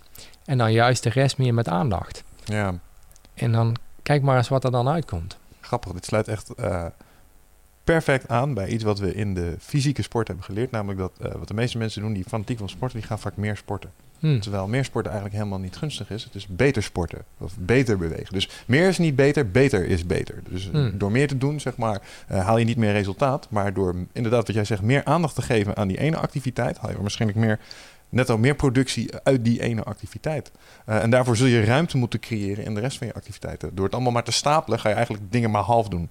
Bent dus ook maar de helft van het resultaat op al die dingen. Dus beter één ding heel goed. Dat is eigenlijk ook wat ik jou wil zeggen. Ja. En maar hoe uitzicht dat dan? Dat is gewoon eh, meer aandacht tijdens dat fietsen... of gewoon alleen maar op de fiets gaan... of alleen maar dat Nou, gewicht hebben? bijvoorbeeld, ik kan, een, ehm, ik kan drie uur in de sportschool gaan staan en dan kan ik bewegen. Hmm. Ik kan ook een uur in de sportschool gaan staan en dan kan ik trainen. Dus dan kan ik heel gericht eh, proberen om eh, bepaalde dingen te doen, zeg maar. En omdat het eh, een uur is, kan ik het ook maar een uur volhouden. Maar ik heb wel meer effect als bijvoorbeeld maar drie uurtjes... ehm, inderdaad op een, eh, op een fietsje zitten. In plaats van ga ik squatten, ga ik iets heel zwaars doen. Hm. Door meer intensiteit te leggen in je activiteit... haal je er netto meer productiviteit uit. Dat is het Ja. idee. Dus, vandaar. Ja. Ja. ja, mooi. Hoe was die omslag van jou als eh, jonge car- carrière-tijger met alle grote dromen? En, want daar herkende ik mezelf heel erg in. Eh, het was nooit goed genoeg, alles moet meer. En Je, je, je bent pas gelukkig op het moment als het, eh, als het allemaal bereikt is. En ja, eigenlijk heel dat... eh, vorige keer noemde ik dat... eh, heb, eh, eh, um, hoe noem je dat? Destination addict. Dus je Hmm. moet ergens anders naartoe komen om, om pas gelukkig te zijn. Ja. En hoe is dat voor jou gegaan? En hoe, en hoe sta je daar nu in? Nou goed, dat heb je net al een beetje toegelicht. Maar als je nu even kijkt naar de verschillen. Nou, ja, voor, voor sowieso, ik vergeleek het eigenlijk met een trein. Ik, ik merkte, ik heb op... mijn leven is nooit saai, weet je wel. Er zit zoveel snelheid in. Weet je wel, eerst de, de basisschool en dan de middelbare school. Je bent 12, 13 en dan ga je een keuze maken. Nee, 13, dan ga ik een keuze maken over waar, waar ga ik naartoe met mijn leven? Wat is mijn toekomst? Waar ligt mijn talent? Of waar word ik, eh, waar word ik blij van is nog geen eens. Ik, ik ging gewoon kijken waar ik het meeste geld mee kon verdienen. Nou, Dat, ja, dat was mijn doel. Ik bedoel, dan, eh, zodra je genoeg geld verdient, ja, dan, dan, dan heb je straks geen zorgen. Ja. Ja, dat had je op je dertiende al? Nou, op mijn dertiende was ik wel aan het kijken van, nou, eh, die baan verdient wel en die baan verdient niet. ja. En eh, ja, ik was ook nog goed in economie. Dus dan, ja, dan wordt dat al vrij snel, eh, wordt dat het pad waar je op gaat. En dan, nou, dan word je manager en dan, ja, dan wil je gaan klimmen. En eh, ja, dat is dan ook, eh, ja... Ik heb laatst ook een keer op, in het praktijkonderwijs op mogen treden. En dan had ik ook met die directeur een heel interessant gesprek. En dat ging ook over, wij zien het onderwijs als zo'n soort trappensysteem. Weet je wel, eh, onderaan bungelt zogenaamd het praktijkonderwijs. Als je niks anders kan, dan ga je naar het praktijkonderwijs. Mhm. Wat echt al verschrikkelijk is als je er zo naar gaat kijken. Hij zegt, de kinderen schamen zich om naar hier te komen. Dat kinderen soms op de fiets. En dan rijden ze onze school voorbij. En dan als dan andere kinderen afslaan, dan draaien ze om. En dan rijden ze hier het schoolplein op. En dan, Hmm. hè, nou, als je praktijk, nou probeer toch maar het VMBO. En als je het VMBO, ja, als je het kan, dan het liefst de HAVO. En als je, ja, VWO is toch wel, hè, Hmm. is nog beter. Mhm. Maar sinds wanneer waarderen we dingen in het hoofd beter dan dingen met de handen? Ja, ik wou net zeggen. Nee, maar ja, het enige verschil is dat je naarmate je die ladder op die jij nu beschrijft opklimt, is dat het eh, zeg maar conceptueel en intellectueel allemaal iets, eh, iets abstracter en moeilijker wordt. Zeg maar. dat, dat is het. het. Het wordt daar complexer. Maar aan de andere kant, eh, technisch en zeg maar in termen van motorische vaardigheden, eh minstens even belangrijk. Nou ja, ik, ik, ik, ik denk, dat- ik denk dat ik eh, van mijn studie, een hele interessante studie, maar 95% ben ik volledig kwijt. Heeft echt totaal geen nut. En ik heb bewezen dat ik dingen kan onthouden, of ik heb bewezen dat ik conceptueel bepaalde dingen kan snappen. Wat de praktijktoepassing is, Nou dat ja, vraag ik me echt bij sommige dingen echt af. soms Hmm. zie je dat het in het bedrijfsleven gewoon wordt gebruikt. Als je aantoonbaar HBO denk- en werkniveau hebt, dan ben jij in staat om bepaalde complexe taken, verwachten we dan op te pakken. En eh, dat is waar we naar kijken. Ja, maar eh, ik, ik weet dat ik... Waarschijnlijk zou ik die fout gemaakt hebben. Dan kom ik van de universiteit, dan denk ik het te weten... want dan heb ik de hoogst mogelijke studie. Ik was nog bijna cum laude afgestudeerd. Hè, nou, dan, dan weet ik het. En dan kom ik een bedrijf binnen waar mensen al 20, 30 jaar werken... die daar ervaring in hebben. Dan ga ik zeggen hoe zij moeten werken. Ja. Mhm. Dat gaat niet werken. Nee, maar dat is wel waar, we- waar, waar ik voor opgeleid werd. Of tenminste waar ik het gevoel had waar ik voor opgeleid werd. Mhm. Nou ja, dat, dat- totaal zinloos. Totaal belachelijk eigenlijk om, om dat op die manier te doen. Het is hoe kun je elkaar versterken of hoe kun je kijken om elkaars kennis te gebruiken. En kennis en handen heb je allebei nodig. Ja. Nou, als ik een verpleegkundige aan mijn bed heb die alleen maar aan het nadenken is, dan, ja, dan had ik er nog steeds in gelegen. Hmm. Ja, dat heeft echt. En Ja. dat, nou ja, daar heb ik wel iets, iets gezonder respect voor, eh, voor gekregen. Maar ja, dat als, als zijtrap. We hebben toch twee uur, kan ik zijtrapjes nemen. ja. Ja hoor. Tuurlijk. Maar het doet me ook een beetje denken aan eh, dat wij echt een beetje in een systeem leven. Staat overigens ook in dat boek. Dus eh, ik ben gewoon even mijn huidige kennis aan het opratelen. Eh, dat ons huidige systeem heel erg gebaseerd is op beloning en straf. Dus we zijn Hmm. bang om gestraft te worden. En daardoor eh, gaat men anders reageren. En op het moment dat je niet beloond wordt, is het ook niet goed. Nee. Dus je zit continu in die... en dan worden we weer angstig als je niet beloond wordt, want dan doe je het niet goed.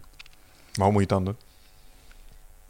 Ja, daar is dus geen Ja, dat is Er, er wel is, er het is een visuele cirkel. Er is geen eh, van wat is het dan? Nee, het is omdat je beloning en straf hebt. Mhm. Ga je in dat cirkeltje. Ja. Ja. Ja, ik, ik zou het eigenlijk eh, een beetje los willen. Ik zou vanuit de intrinsieke beloning vind ik eigenlijk veel waardevoller dan. Als je voor een beloning van buitenaf verwacht, gaat die altijd tegenvallen. Hmm. Tenminste, dat is mijn ervaring, want dan heb ik daar een verwachtingspatroon, leg ik daaraan vast. Nou, maar dat is dus die angst. Dat je continu, als je geen beloning krijgt, dan zit je, kom je ook in een oh shit modus. ja, Ik doe het niet goed genoeg. nou ja, daarom is het maar handig om dat los te laten en het eigenlijk ple- plezier te hebben in hetgene wat je doet en daar de Hmm. voldoening uit te halen. En alles wat er dan extra komt, ja, eh, dat is gaaf. Is een cadeautje. Ja, Ja, of leren redeneren vanuit kracht. Weten dat je wat je doet, dat je dat goed genoeg doet. En dat eigenlijk die externe bevestiging, want dat is Ja. volgens mij waar je het over hebt. Zeg maar, Ja. Jezelf voldoende waarderen en respect hebben voor jezelf. Om te weten dat als iemand anders er iets anders van vindt, dat dat oké Ja. is. Maar dan ben ik benieuwd naar. Hoeveel mensen spreek jij? Kan jij nu bij... Als mensen bij jou komen of als je ze spreekt... Heb je dan het gevoel dat veel mensen weinig zelfwaarde hebben? Of weinig, ik doe het niet goed genoeg? En, ik denk dat we dat gevoel allemaal hebben. Sterker nog, dat heb ik nog wel. Ik ja. bedoel, ik kan nou zeggen dat ik in de podcast we- zit en dat ik het dan weet. Nou, absoluut niet. Maar je mag je wel even opschrijven dat je- je hier mag hebt gezeten. Dat Oh ja, dat gewoon- dan wel. Ja, Ja, dan ik ik wel gewoon- heel hoog... eh, het is eh, carré en daarna nog eindbaas. juist. Dat, eh, ja. Nee, die... eh, ehm, ja, ik, ik ik denk dat we het allemaal hebben. Sterker nog, dat heb ik ook nog. Ik heb eh, gelukkig eh, gaat dat steeds eh, beter. Maar ook ik val nog wel eens terug. En ook ik heb dan wel eens, nou, normaal zit ik een uur op het podium, nou, dan hebben we een podcast. Ik denk, oh, twee uur. En dan, oh, twee uur. Heb ik dan wel twee uur interessante dingen te vertellen? Of, oh, dan moet ik het wel goed doen. En dan denk ik, ja, ik moet het goed doen. Wat, wat, wat is nou het goed willen doen? Dat, ja. Ja. en dan op een gegeven moment dan laat ik dat weer los en dan is het weer goed. En ik denk ook dat het niet, tenminste voor mij is het niet haalbaar om in één modus te zitten. Ook, eh, mensen vragen mij regelmatig van, ja, Jaap, heb jij ook dieptepunten? Of hè, er zit Dat. best wel wat positiviteit in, in het geheel.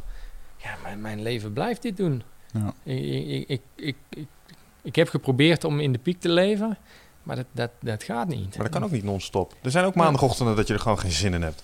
Ik weet niet Nou. of het specifiek de maandagochtend hoeft te zijn. Maar iedereen heeft wel eens van die momenten dat iedereen gewoon even uit je buurt moet blijven. En ik denk dat dat ook oké is. Nou, er gebeurt altijd wel iets, zeg maar. En, en, en het leven is eh, eh, zo creatief, eh, die weet je toch wel te verrassen. Hmm. En eh, Never a dull moment.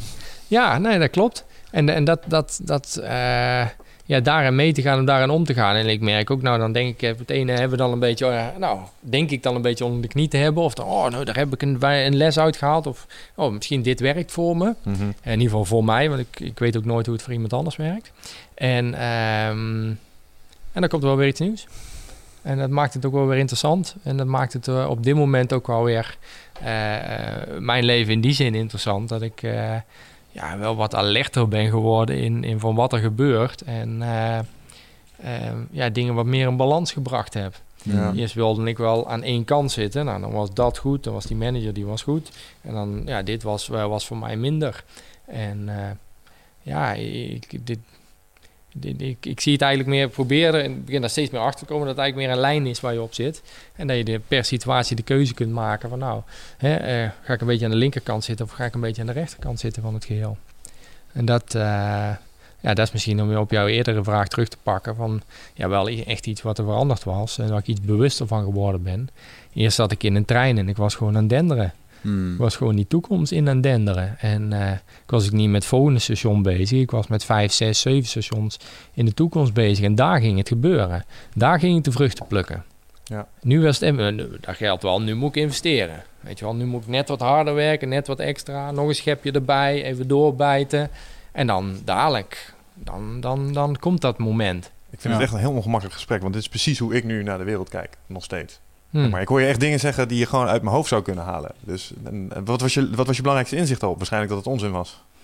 Eh, nee, eh, nou ja, goed. eh, uiteindelijk merkte ik dat het investeren bleef.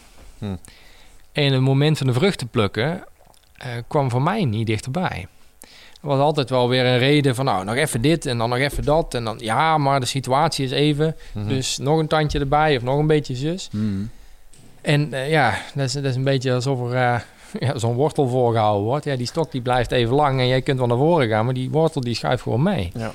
En dat, ehm, ja, toen bedacht ik me over, ja, misschien moet ik dan eh, maar eens iets anders aan gaan pakken. En eh, wat mij in ieder geval hielp, ik zeg, ja, als ik dan toch in die trein zit, ja, laat ik maar eens een keer naar buiten kijken. En ehm, echt gewoon letterlijk naar buiten kijken en al die mooie dingen die dagelijks aan mij voorbij schoten, omdat ik daar aan het kijken was, laat ik die maar weer eens zien. Ja. En eh, voor mij het stom was toen ik die dingen ging zien en ging ervaren, eh, kwam dat veel dichterbij. Mooi. Ja. Ja, ik denk hetzelfde als jij nu. Want ik zit ook gewoon in die modus van eh, het moet sneller. En eh, je hebt allemaal mooie plannen met bedrijven en dingen. En het moet allemaal naar het volgende punt toe. ja. En daar gaat het ook naartoe. Alleen niet snel genoeg. En Ja, maar hoe snel moet het gaan? ja, dan denk ik van ja, over drie jaar dan heb ik dat en dat en dan is het goed. ja. Ja, En geniet, ondertussen, geniet ondertussen inderdaad wel genoeg van de treinreis. Want ja, Ja, weet je. En dat is gewoon wel af en toe ook wel vermoeiend. Dat ik, van, ik had daar vanochtend al een gesprek over met mijn vriendin. Dat ik echt dacht van...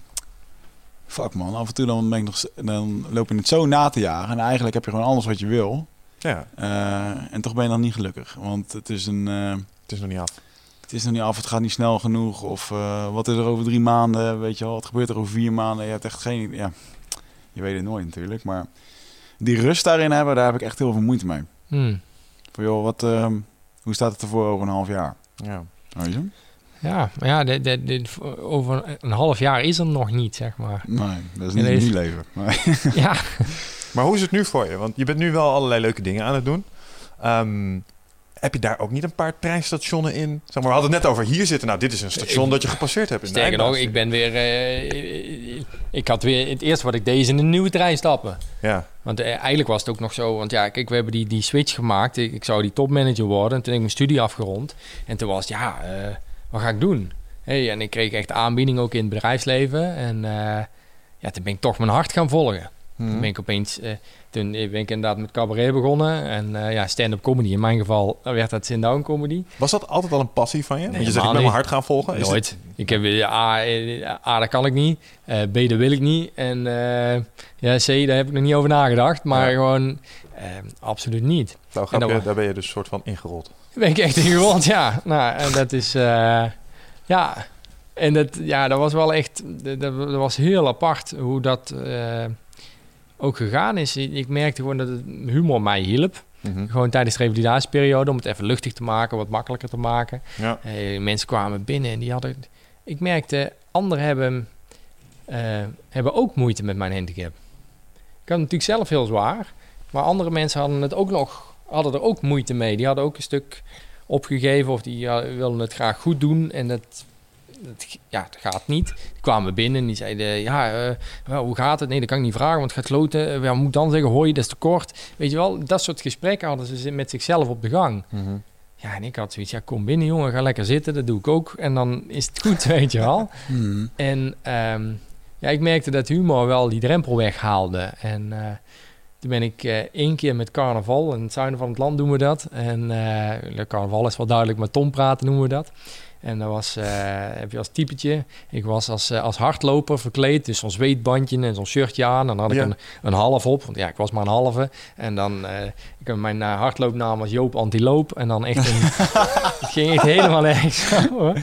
En dan echt een kwartier lang alleen maar flauwe grappen daarover. Maar wat is het dan? Tom praten, zei je? Tom praten, ja. Dat is gewoon een soort open mic night in, carna- eh, Ja. in Brabant. Met Ja, zo kun je het eigenlijk zien. Maar ja, wij hadden wel echt een regisseur erbij. En dan eh, echt heel professioneel. En eh, in ieder geval voor eh, hoe, hoe professioneel best kan zijn dan. En het dorp waar ik vandaan kan. En ehm, heel veel plezier. En ook de eerste keer dat ik op het podium zat. Daar gebeurde iets magisch. Hm. Daar gebeurde zoiets moois. Ik zat er op dat podium. Ik werd sowieso erop gedragen. Nou, en dan, ik had een hele ton paste niet. Dus ik had ook nog maar een halve ton. En dan, ja, nou ja, dit, dit- van alle kanten. En ehm, die eerste grap. En die zaal die slaat dubbel van het lachen. En dan denk ik echt zoiets van, ja, maar wacht eens even. eh, dan heb ik er nog wel een paar, Ja, ja, weet je wel. En ehm, dat was zo mooi. Eh, mensen vonden het mooi. Ik vond het heel gaaf. Mhm. Ze hebben me gewoon, terwijl ik het podium afgedragen werd over de trap, begon ik nog grappen te maken, te improviseren over de roltrap. En ik weet het allemaal niet waar we het allemaal over hadden. En, ehm, en dan achteraf kwamen er ook nog mensen naar me toe en die zeiden, eh dankjewel, je hebt mij kracht gegeven. Je hebt mij kracht gegeven. Ik, ik heb net hier een, een kwartier over Johnny Walker en lopend buffet en weet ik het allemaal. echt gewoon helemaal niet. En, en hoezo? En ehm, dat het dus ook nog iets moois meebracht. En ehm, ja, daar dan, dan, dan vind je opeens een heel ander talent of een heel ander iets wat je niet wist dat je bezat. En ehm, ja, ik vind het nogal vreemd dat eh, hoe we de maatschappij ingericht hebben. We houden vast aan dat ene talent wat we besloten hebben, wat we op ons dertiende hebben. En daar gaan we mee aan de slag. Mhm. En ehm, ja, toen ik, toen ik dat, dat losliet en eigenlijk hiermee op weg ben gegaan, ja, dat, daarna is het, eh, de, het comedy circuit ingegaan. Ehm ben ik ontdekt door Bob McLaren als coach van de Lama's op dat moment. En ehm, die zei over, nou ja, je kunt leuk zijn in je eigen boerendorp, om het zo maar te zeggen. Maar ga maar eens een keer voor vijandig publiek, voor 13 dronken studenten op het open podium in Amsterdam. En zo eens kijken hoe het dan gaat, weet je wel. ja, Klinkt als die gooien. Ja, ja nou, die gasten gooien ook echt. Zo erg is het ook. En dan sta je met twaalf man op een avond. Nou, en ik was als negende en de eerste acht die gingen dood. Zo noemen we dat. Dat is een- zo'n vakterm in de zin van echt nul reactie. Ja. En eh, nou, dan ga je dan van nou. De sfeer zit er lekker ik. in, jongens. en eh, dan word je het podium opgeteld. En eh pats, die klik die was er. En eh, binnen een week had ik een aanbieding voor een theatertour in mijn mailbox. Echt waar? En eh, bijvoorbeeld eh, de- de- in de revalidatiekliniek had ik van Arie en Sylvester, Arie Komen. En eh, had ik eh, dvd's gekeken. Ja, super gaaf. Even lekker Mm. een beetje ontspannen. Ook even die Arie en. Sylvester, die is heel bekend, maar... Ja, Ja, Arie Komen en Sylvester Zwaneveld was Hey, dat die toen. is dat toch? Eh, Van waar ja, je met iemand anders? Ah, ik ken ja, die die dit is nou, eh, ik weet niet hoe het, hoe het nu is. Ze zijn nu allebei solo gegaan. Arie speelde toen ook bij de Hij heeft Lama's. zo'n heel stukje toch over zijn vriendinnetje dat moet plassen maar geen zin heeft. Ja, Ja, dat is Arie. plassen. Ja, ik heb geen Ja, zin. dat, dat, Ja, ja. En eh, ik heb toen echt in de kliniek heerlijk zitten lachen gewoon op die afdeling. En eh, een paar maanden later stond ik naast hem op het podium. Hij 20 minuten, ik 20 minuten. Fucking hell. Hmm. En ehm, ja, dat, dat, dat is zo apart. Dat, dat je zodra je open gaat staan, dat er wellicht ook nog eens iets anders is. Mhm. eh, wat er ook nog allemaal kan gebeuren. En dat, ehm, als je het vroeger maar aan mij gevraagd had, ik gezegd, ja, dat kan ik niet. Eh, eh, hoezo? Ja, eh, ook ja, praten. Ik kan goed praten. Ja, ik maak wel eens een grap. Ja, ze- mensen vragen ook wel eens, was je vroeger ook zo grappig? Ik nou ja, ik was wel grappig, maar niet dat ze geld voor wilden betalen. En ja, dat, dat is een... een, een en dat, dat, dat is eigenlijk doorontwikkeld. Ik ben wat bedrijfsoptredens gaan doen. En eh, op een gegeven moment ook daar weer voor op een punt gekomen van ja, wacht, dit vind ik gaaf, maar het is nog niet de volledige Jaap. Hm. eh, Nou, we hebben, zijn, hoe lang zijn we nou aan het kletsen? Het is nou niet dat er heel veel grappen voorbij zijn gekomen. Een aantal. Ja, we een we hebben aantal. serieuzere podcasts gehad. Ja, nee, maar daarom. Maar eh, als ik alleen maar grappig moet zijn, dan, dan, dan, dan zie je maar een klein onderdeel van mij. Hmm. En eh, sinds eh, dat ik richting presentaties eh, gegaan ben, ehm, ehm, mag er alles zijn. Zeg maar. En dan, dat is wel de humor, is een stukje kwetsbaarheid en, en een stukje inspiratie of een stukje informatie of wat het dan ook is. Mhm. En ehm, dat vind ik leuk om daarnaar op zoek te gaan van hoe kun je ja, alle talenten die je hebt zoveel mogelijk eh, naar voren laten komen. En eh, als ik vastgehouden had aan het punt wat ik dacht dat ik was of waar, waar mijn talent lag, ja. Ik, dit, dit was een paar maanden terug. Was, was, ik mag ook soms voor echt kwetsbare doelgroepen, mensen die net een baan verloren hebben, of in reorganisaties of eh, dat soort zaken. En een man ook, ja, die was postbode. En hij zegt, ja, daar is geen werk meer in. En ik kan niks anders. En hij zegt, ja, ik heb dat 30 jaar gedaan. En da- ja, dat, dat, wat moet ik nu? Ik gewoon tot, en ja, dat is volgens mij de meest shit situatie die hij op dat moment kan hebben. Mhm. Hmm. En toen gingen we praten. En ik zei, maar waar word je nou blij van? Wat, was dan het, vak? Wat weet je dan tof? Ja, hij zei, nou... eh, dan begon, zijn ogen te sprankelen. En dat vind ik al gaaf. Ik bedoel, daar, daar, trik, dat triggert mij. Maakt niet uit wat je doet, maar als die ogen maar sprankelen. En ehm, ja, dat contact met de mensen. En ik wist iedereen. En dan ik wist ook allemaal te wonen. En dan, ja, en dan eh, daar, daar eh, die, die buurvrouw kon ik gezellig altijd een praatje mee maken. En er was een oudere dame, die vond het fijn als ik het even achterom bracht. En die had een hond, dus daar had ik altijd een koekje bij. En ja, dat contact. Ik zeg, nou ja, menselijk contact, de ander echt zien. Hoeveel bedrijven zitten daar niet op te wachten om een medewerker die in staat is om dat te doen? Dat talent is vele malen groter dan die brief door die Mhm. bus heen duwen. Ja. Hmm. En dit- dit- dit- ik was laatst bij een, groot internationaal callcenter. Die moest een, een nieuwe directeur hebben. En dan hadden ze eerst allemaal eh, masterstudenten, allemaal universiteit en MBA's zelfs eh, langs laten komen. En die hebben uiteindelijk een aardbeienplukker aangenomen. Als directeur. ja, Ja, waar. als directeur. Een aardbeienplukker als directeur. Serieus internationaal callcenter. Een grote, grote jongen. Als het gewoon een sociale Dat is het enige wat op zijn cv stond. Uit, uit. Nou ik heb ja, aardbeien ja, geplukt. uiteindelijk eh, ze hebben, eh, ze hebben wel wat, wat gesprekken gehad. Maar wat bleek nou? Die man eh, die op het veld eh, weer- was hij in staat om al die verschillende culturen aan elkaar te verbinden. Hmm. En dus ook mensen aan te sturen vanuit hun eigen passie of van eigen, vanuit hun eigen belevingswereld. En dat talent was dus ook heel erg bruikbaar binnen dat internationale callcenter, omdat daar ook heel veel verschillende culturen zaten. Ja. En dat was dus vele malen waardevoller dan die zogenaamde universitaire opleiding. En eh, als we zo weer eens naar mensen gaan kijken, als we zo ook weer eens naar, vooral naar onszelf gaan kijken, Ja. ja, dan wordt het interessant. Hmm. Want dan heb je wel veel meer te bieden dan datgene wat er zogenaamd op jouw cv staat. ja, je kunt jezelf een soort van herontdekken natuurlijk.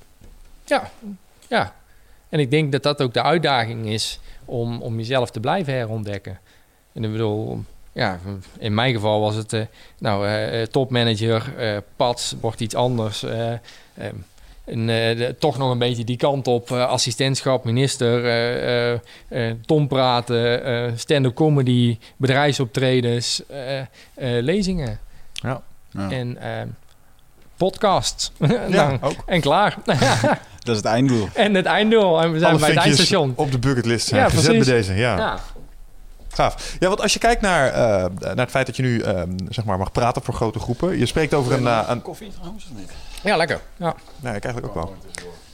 Je spreekt over een, eh, een aantal dingen. Ehm, een van de dingen waar je natuurlijk over spreekt is eh, wat je overkomen is en eh, omgaan met verandering. Eh, je hebt er ook volgens mij één over de toegevoegde waarde.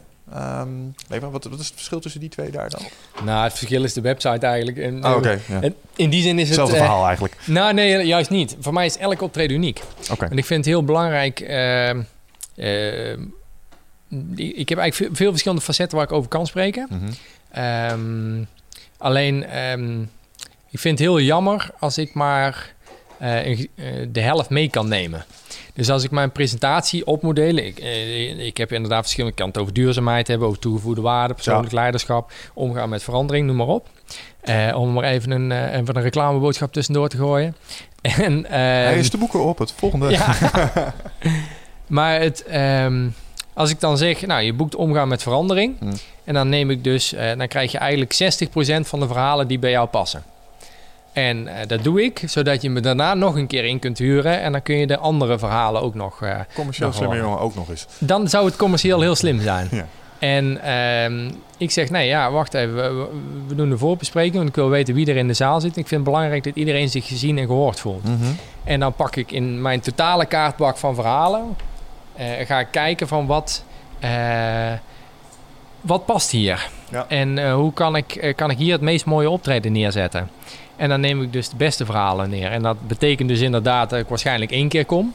Ehm, maar dat heb ik. eh, ja, heb ik, ja ik, ik, dat voelt voor mij anders wordt het commercieel. Dan ga ik een keuze maken ten nadele van, van de klant. Dan heb ik zelf, vertel ik over, doe dingen met aandacht, eh, overtref verwachtingen, doe Carlos momentjes Ja, en dan zeg ik ondertussen van, eh, ja dat is goed, maar eh, voor mij gaat het wel om de keiharde cash. Ja. En natuurlijk gaat het daarom, maar dat, Ja, nee, nou, ik- begrijp dat wel. Ik kan me voorstellen dat je vanuit je enthousiasme ook echt eigenlijk wel het hele verhaal wil vertellen. Maar ja, je hebt natuurlijk ook maar, ik weet niet hoe lang je lezingen duren. Ehm, maar je hebt natuurlijk ook maar een beperkte hoeveelheid tijd om je hele verhaal gewoon goed in te kunnen doen. Dus ik doe, ik, sterker nog, ik doe max een uur. Ja. En eh, waarom? Er zijn heel veel sprekers die echt hele dag delen en eh, soms eh, hele, hele weken eh, kunnen Ja. vullen. En daar heb, ik intens veel respect voor. Vind ik heel knap hoe ze dat doen. Ehm, voor mij is het zo, eh, ik noem het raken en vermaken. En dan mag ik soms, eh, er zit zo'n intensiteit in, mag je zo binnenkomen bij mensen dat het juist heel lekker is om daarna ehm, om het even eigen te maken. Dus dat ze in een wat informelere setting, eh, eh, tijdens, tijdens de borrel of de lunch of een, of een workshop variant, ehm, even te kijken van wat betekent dit voor mij. ja, want ik, in mijn presentatie zitten geen antwoorden. En, alleen maar meer vragen. ja, nou ja, nee, maar alleen verhalen. Ja. En dat ik merk, eerst dacht ik dat ik de antwoorden moest hebben. Dus Ja. heel erg inlezen en heel erg kijken en dan, oké, dit zou mooi voor jullie zijn. Maar het is heel raar als ik nou tijdens dit gesprek ga zeggen, nou, als je die podcast, eh, misschien kunnen jullie dit dus zo en zo gaan doen. Ja. En natuurlijk kun je elkaar wijzen op mogelijkheden, maar bedoel, jullie zijn, zijn degene die hier verstand van hebben. Ja. En eh, ja, zodra ik lekker dicht bij mezelf blijf en vooral vertel van wat iets voor mij betekent, merk ik dat mensen zelf de koppeling maken. En dat vind ik zo bijzonder. Ja, je hoeft het probleem helemaal niet op te lossen, dat doen ze zelf Nee. wel. Ja, maar, maar dan is het van hun. En, dan- en, en dan zie je soms gebeuren. Dan zie je in die zaal, dan zie je die emotie komen. En dan zie je gewoon echt op een gegeven moment een, een, een, ja, iets, een, zo'n, zo'n klikmoment komen. En dat, dat is zo bijzonder. En waar zit dat klikmoment in jouw verhaal? Dat is voor iedereen anders. Oké, Gelukkig, want anders zou ik één verhaal hebben en dan zou het één ding zijn. Maar eh, jij zei net al iets waar jij op reageerde, iets wat bij jou past. Mm, ja. Ja, nou, dat, dat, dat, dat zal, eh, zal voor iedereen weer anders zijn. Hmm. En dat vind ik, eh, dat vind ik ook juist mooi, want dat maakt het persoonlijk en dat maakt het echt. En dat weet ik ook niet van tevoren. Sterker nog, ik weet nog ineens wat ik van tevoren ga zeggen. Mm. Dat, eh, ik, ik, ik, heb, ik heb een beetje een lijn en dat ik me goed voorbereid, dat ik weet wat er gaat komen. Ja, maar, Maar- met het moment dat we dat zeggen, laten we even wel wezen, je staat op een podium, je hebt echt wel in de gaten wanneer de hele zaal aan je lippen hangt. Ik zat Ja. laatst nog bij een leuk praatje. eh, mag even weer pluggen. Ik zat laatst nog op een leuk praatje waarbij ik een, spreker ook de hele zaal aan de lippen had eh, zag hangen, zeg maar. Dat mensen echt helemaal stil zitten te luisteren. En als er een telefoon afgaat, dat diegene die, bij wie dat gebeurt, die, die gaat echt kapot van binnen, weet je. Van, oh, kut. Weet je, jij voelt dat ook wel, denk ik. Ja, nou, sterker nog, ik, ik word nog meer geroemd om de stiltes. Dan eh, bijna elke presentatie, ik heb het achteraf nog nooit zo stil gehoord. Ja. En, en dat hebben wij nou ook zelfs tijdens dit gesprek al een paar keer. Gewoon dat je even vol dat er iets van energie, iets in die eh, gebeurt. Mm. En ehm, ja, dat, eh, we hebben, ik heb, mijn grootste optreden is 1500 man. En eh, als je 1500 man stil hebt, Ja, dat is te gek. Mm. dat is echt zo intens bijzonder. Dat 1500 man even de reflectie maken van, oké, Mm. wat doet Waar, dit waar mij? was dit? 1500 man? Eh, was in, eh, Nieuwegein, NBC. Er waren eh, allemaal mensen die aloe vera producten verkochten. Dus eh, Om maar even een willekeurige doelgroep ja, aan te ja en- nou, ik heb echt, ik heb het van, van topdirecties. Ik heb laatst eh, 400 varkensboeren gehad. Ik heb, eh, ja, en- en- je kunt het echt zo gek niet bedenken van, van Ja, maar jouw verhaal is een heel menselijk verhaal. En dat maakt het voor iedereen geschikt volgens Mm. mij. Ja, nou ja, ik, ik, ik, ik heb in het begin eh, me zorgen gemaakt, echt letterlijk. Van, oeh, inderdaad, ben ik wel goed genoeg? En eh, ja, oeh, zal ik niet de zorgartiest worden, weet je wel? Want dan, Mhm. ja, en dan, oh, nou, die zit in een rolstoel, nou, dan zullen we hem maar vragen. Een Nou, soort Clinic Clown Deluxe. Ja, ja, nou ja. Nou, ik heb ook wel, eh, dus ik heb altijd gezegd als mijn vriendin en ik een kind krijgen, dan, eh, dan, eh, dan zal het de cleanen, want zij is verpleegkundige en ik ben een cabaretier. Ah. Dus ja, dan moet het een zorgende, lachende, dan moet het een clinic clown worden. Mm. En ehm, ja, eh, dat, eh, daar heb ik echt over nagedacht. Denk, oeh, eh, dadelijk is het alleen daar toepasbaar. En ik, ik heb inmiddels zoveel verschillende doelgroepen gehad. Dat, Hmm. dat is echt... Hmm. en, en dan ook echt de, de, topdirecteuren waar ik, waar ik eerst dan ambieerde van... Wow, dat zou gaaf zijn Ja. als ik die plek zou bereiken. En dat ik ook echt... dat dat ik zenuwachtig was van nou, hè, ook die directeur. En ik mm. maak ook altijd nog even een... Ja, dan, ik, ik speel altijd even met de directeur. Dat is altijd het leukste om even op het podium even daar wat grappen over te maken. Wel op een respectvolle manier. Jij doet wat iedereen niet kan doen. Ja, ja, ja. Maar ja, dat, dat is echt... eh, ja, dan, iedereen moet gelijk zijn. Ja. En, en altijd met respect. En, altijd, en dan draai ik het zo om dat ik uiteindelijk degene ben die, eh, die het op Mm. zijn donder krijgt. Dus eh, dat is altijd... daar is zeer goed over nagedacht, om het zo maar te zeggen. Maar dan zie je iets gebeuren en dan zie je die twijfel. En dan... en het is zo leuk om daarmee te spelen. Lachen. En, ehm en achter er was toen ook een heel groot bedrijf. Waar ik echt dacht van nou, als ik die positie ooit zou kunnen bereiken, weet je wel, bekende Nederlandse namen en dingen. En ik denk, oeh, en we hadden nog niet voorbesproken, we hadden elkaar nog geen hand gegeven en dan, om daarmee te spelen. En, en achteraf, eh, dus ja, ik was zenuwachtig. En achteraf bleek het dat hij aan de organisatie gevraagd had: van ja, zou ik naar Jaap toe mogen en een handtekening vragen? Echt? En dus het maakt niet uit. Ik was zenuwachtig, hij was zenuwachtig. Het, het, het is Ja, eh, En allemaal zijn we aan het doen alsof we niet zenuwachtig zijn. ook dat nog eens. Ja, we hebben Ja. allemaal zo'n maskertje op van... hé, hè, bij mij gaat het helemaal top en dan Mm. gaat het helemaal super. En, Allemaal eh, fancies. Mm. ja, helemaal cool. Ja. Nou, ik moest wel lachen, wat jij net zei, want afgelopen weekend heb ik inderdaad mijn eerste lezing gegeven. En normaal Wat? spreek ik wel vaker publiekelijk over eh, marketing of ondernemen. Vind ik leuk. Mhm. Ehm, maar dit keer mocht ik ergens spreken over, ehm, ja, gewoon over mezelf. Aha. En eh, dat was een lachen. Dat was een hele andere ervaring. En eh, Leon, die heeft mij daar, Leon van der Zanden heeft mij geholpen met de presentatie. En ik heb wel een eh, verhaal met ehm, ja, mijn broer, die is schizofreen. En die heb ik uh, ja, een pittige jeugd mee gehad. Gewoon, uh, in de hoogtijdagen heb ik mijn eigen broer vier keer overgedragen aan de politie. Hmm. En uh, dat heeft tien jaar geduurd. En uh, vraag me niet waarom het tien jaar heeft geduurd, want je, het gebeurt gewoon.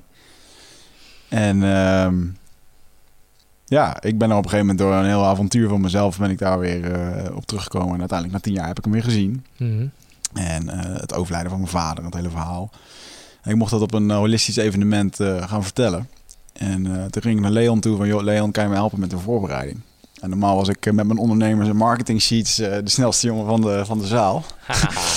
en ik weet nog dat ik naar, ik kwam bij Leon. En uh, ik zeg, nou Leon, dit is mijn laptop, zijn mijn sheets. Hij zo, je, laptop? Hij zegt, ga maar staan. Ik zeg, waar? We zijn in je woonkamer. Hij zegt, inderdaad. Hoe vaak denk je dat ik dit heb moeten doen? Ja, dus dan heb ik in zijn woonkamer voor Leon moest ik dat ding gaan houden. En hij zei op een gegeven moment ook, hij zegt, joh, Wigert, die sheets. Hij zegt, iedere keer als jij die sheets uh, oplepelt, dan, uh, dan ben je iets aan het over, ben je me aan het overtuigen. En met allemaal kennis en dingen. En iedere keer als jij je eigen verhaal gaat vertellen, dan word je gewoon ontspannen, word je rustig. En dan raakt het me ook gewoon. Hij zegt, flikker al die sheets eruit.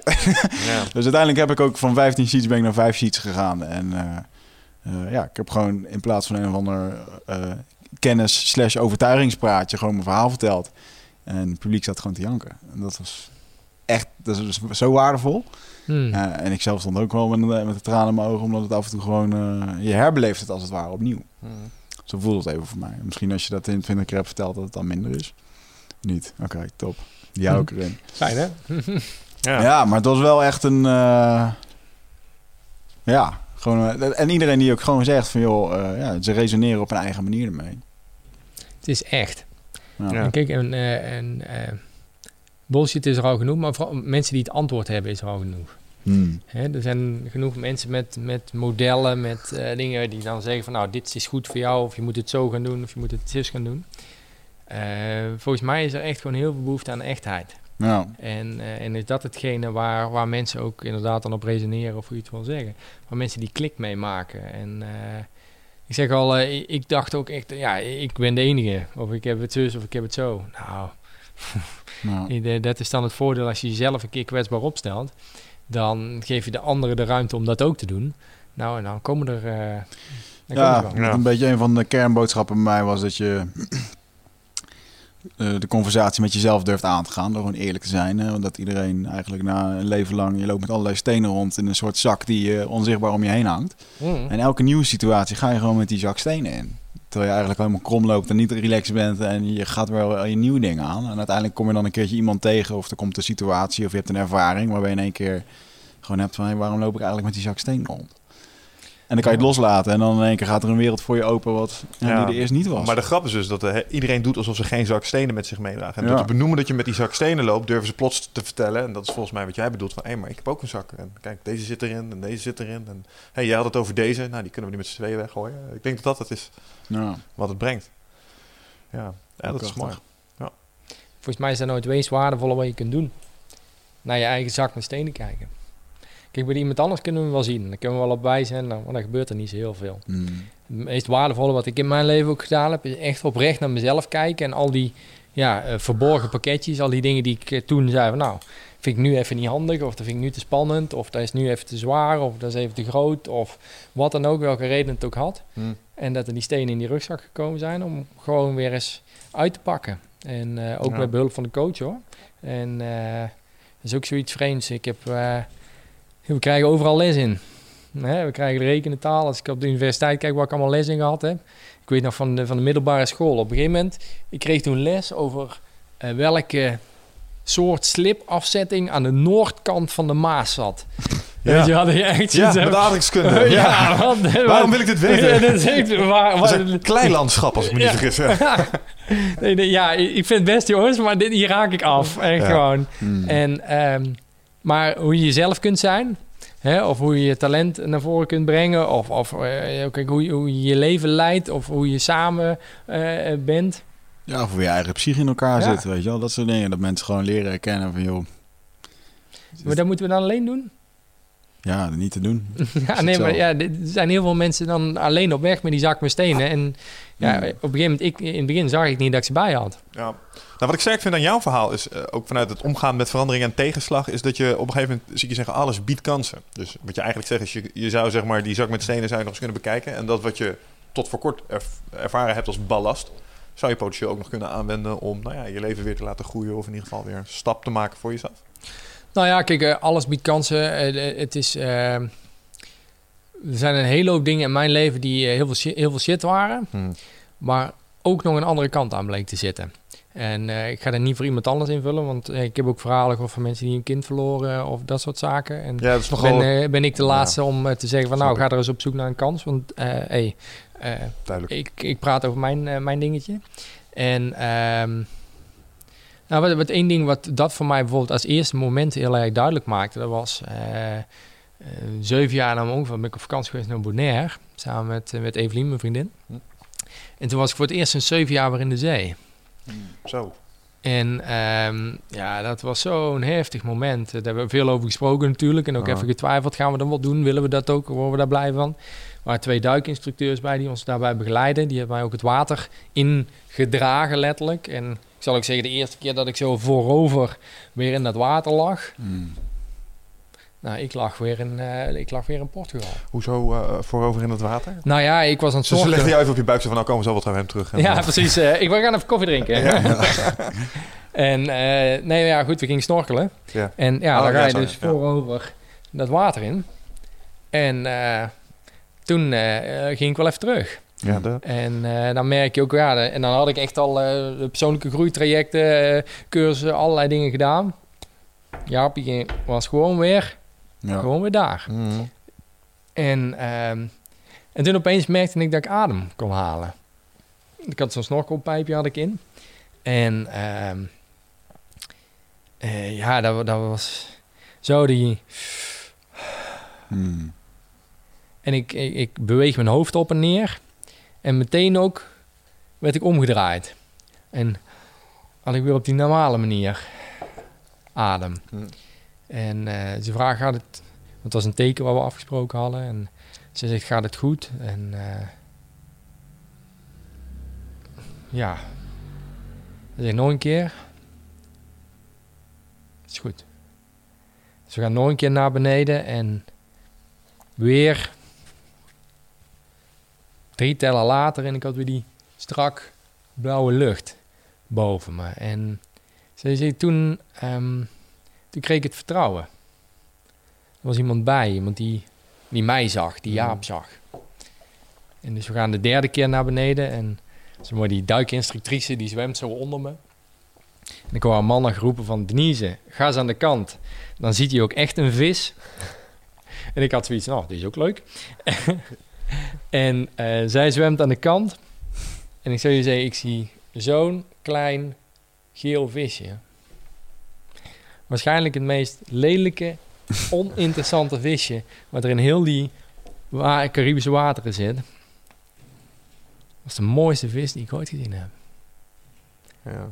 Dat was voor mij echt... ehm, we hebben uiteindelijk ook 2,5 uur lang gesnorkeld. Rotspartijen, honderden gekleurde vissen gezien. Op een gegeven moment een paringsritueel.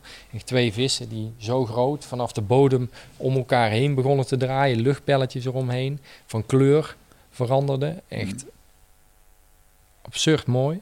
Dat, die duikinstructeurs die, die woonden daar over de hele wereld gedoken. Die zeiden echt, ja, wow. Dit is echt een cadeautje. ja, dat snap ik. En ehm, toen die, die zee die mij heel veel afgenomen heeft, die ik met dood, verdriet, alle shit associeer, ehm, bleek ook heel veel leven te bezitten. Of ble- bleek ook heel veel te kunnen geven. Hm. En eh, toen werd het voor mij weer compleet. En vooral toen het, ja, door dingen weer compleet te maken, ehm, je kun je door of zo, dan, dan blijkt het, ja, dan, dan kun je die steen loslaten. Ja, het, het klinkt bijna alsof je daar, eh, daar waar je eh, het donker van de oceaan hebt gezien, dat je ook de lichte kant, ervan- het yin en het yang zeg maar, het is weer in Ja. balans getrokken, een soort van. Klopt dat? Ja. Ja, denk ik wel, ja. En, en eh, dat, dat is niet dat ik daar nooit meer aan terugdenk of dat het dan eh, in één keer eh holla die is, maar eh, dat, er, dat er ook nog een andere kant, eh, eh, dat ze die laten zien, ja, dat, dat vond ik wel, eh, Hmm. Vind ik wel heel bijzonder. Was dat belangrijk voor jou om dat weer onder ogen te komen? Ja, ja. Ja. Waarom was het voor jou belangrijk? Ehm stukje bewijsdrang ook nog wel. Toch nog een beetje man, hè? Even laten zien wel, eh, wie de basis is hier. Precies, Ja. toch nog wel even fixen. En ehm, ja, ik weet ook niet, de, de- ook, ook, ehm, ook weer opnieuw zoeken. Weet je, de- de- mijn leven is, ik, eh, ik ben, ben verlamd vanaf hier, ik ben verlamd vanaf borsthoogte. Mijn handen doen het niet. Eh, rolstoel, eh, ja, dat, dat heeft nogal wat consequenties. Ik heb twee uur 's ochtends zorg nodig, ik heb een uur 's avonds zorg nodig. Alles is anders. En ehm, ja, ga dan je leven maar weer eens oppakken. Of ga dan maar eens zoeken. Wa- Wat zijn je hobby's? Eh, wat is je werk? Waar liggen je kwaliteiten? Waar word je blij van? Wat kan wel? Waar heb je aanpassingen voor nodig? Wat kan gewoon echt niet meer? En ehm, ja, de, ik, ik merk wel door, eh, door die grenzen weer op te zoeken. ehm, ja, heel veel grenzen bleken in mijn hoofd te zitten. Ja, je dus- verovert een heleboel weer terug. Ja, nou ja, ik dacht dat iets niet kon, of ik dacht dat iets wel kon. Hmm. toen ik het ging doen, toen wist ik het. En dan is het nog niet erg als iets niet lukt. Hmm. Maar ik wil er wel alles aan gedaan hebben om het maximale uit mijn leven te halen. Ja. Ja. En, ehm, ja, en dan is het ook nog zo dat ik merk juist de dingen waar ik niet hard voor hoef te werken, dat daar nog het meeste waarde in zit. Omdat het dichtste bij mij zit. Zoals? Nou, die- die, die optredens vind ik geweldig. Ja. Ik heb nou ook... eh, eh, eh, ik heb laatst zelf ook weer eventjes een, een, een cursus gevolgd. ehm Be the Change. Ik weet niet of jullie het programma, als je hem echt zo kennen, is op eh RTL 4 eh, geweest. Eh, v- vroeger was dat Over de Streep op Nederland 3. Ja, ja. En ehm, Wigert kijkt geen tv, heeft geen idee wat dit Ik heb al tien jaar geen tv, dus... Nee. ja, nou ja, er is ook niet heel veel, heel, heel veel het is waardevols op. Dit, dit vind ik, vind ik mooi, eh, omdat het... eh, zij zeggen, ja, je hebt zo'n soort ijsberg. Nou, trouwens, heel veel trainers gebruiken dat wel. Hè, 10% zit boven, eh, boven het wateroppervlak en 90% van ons eh, zit eronder. Hmm. En wat als we die 90% ook eens aan gingen spreken en daar eens wat mee gaan doen.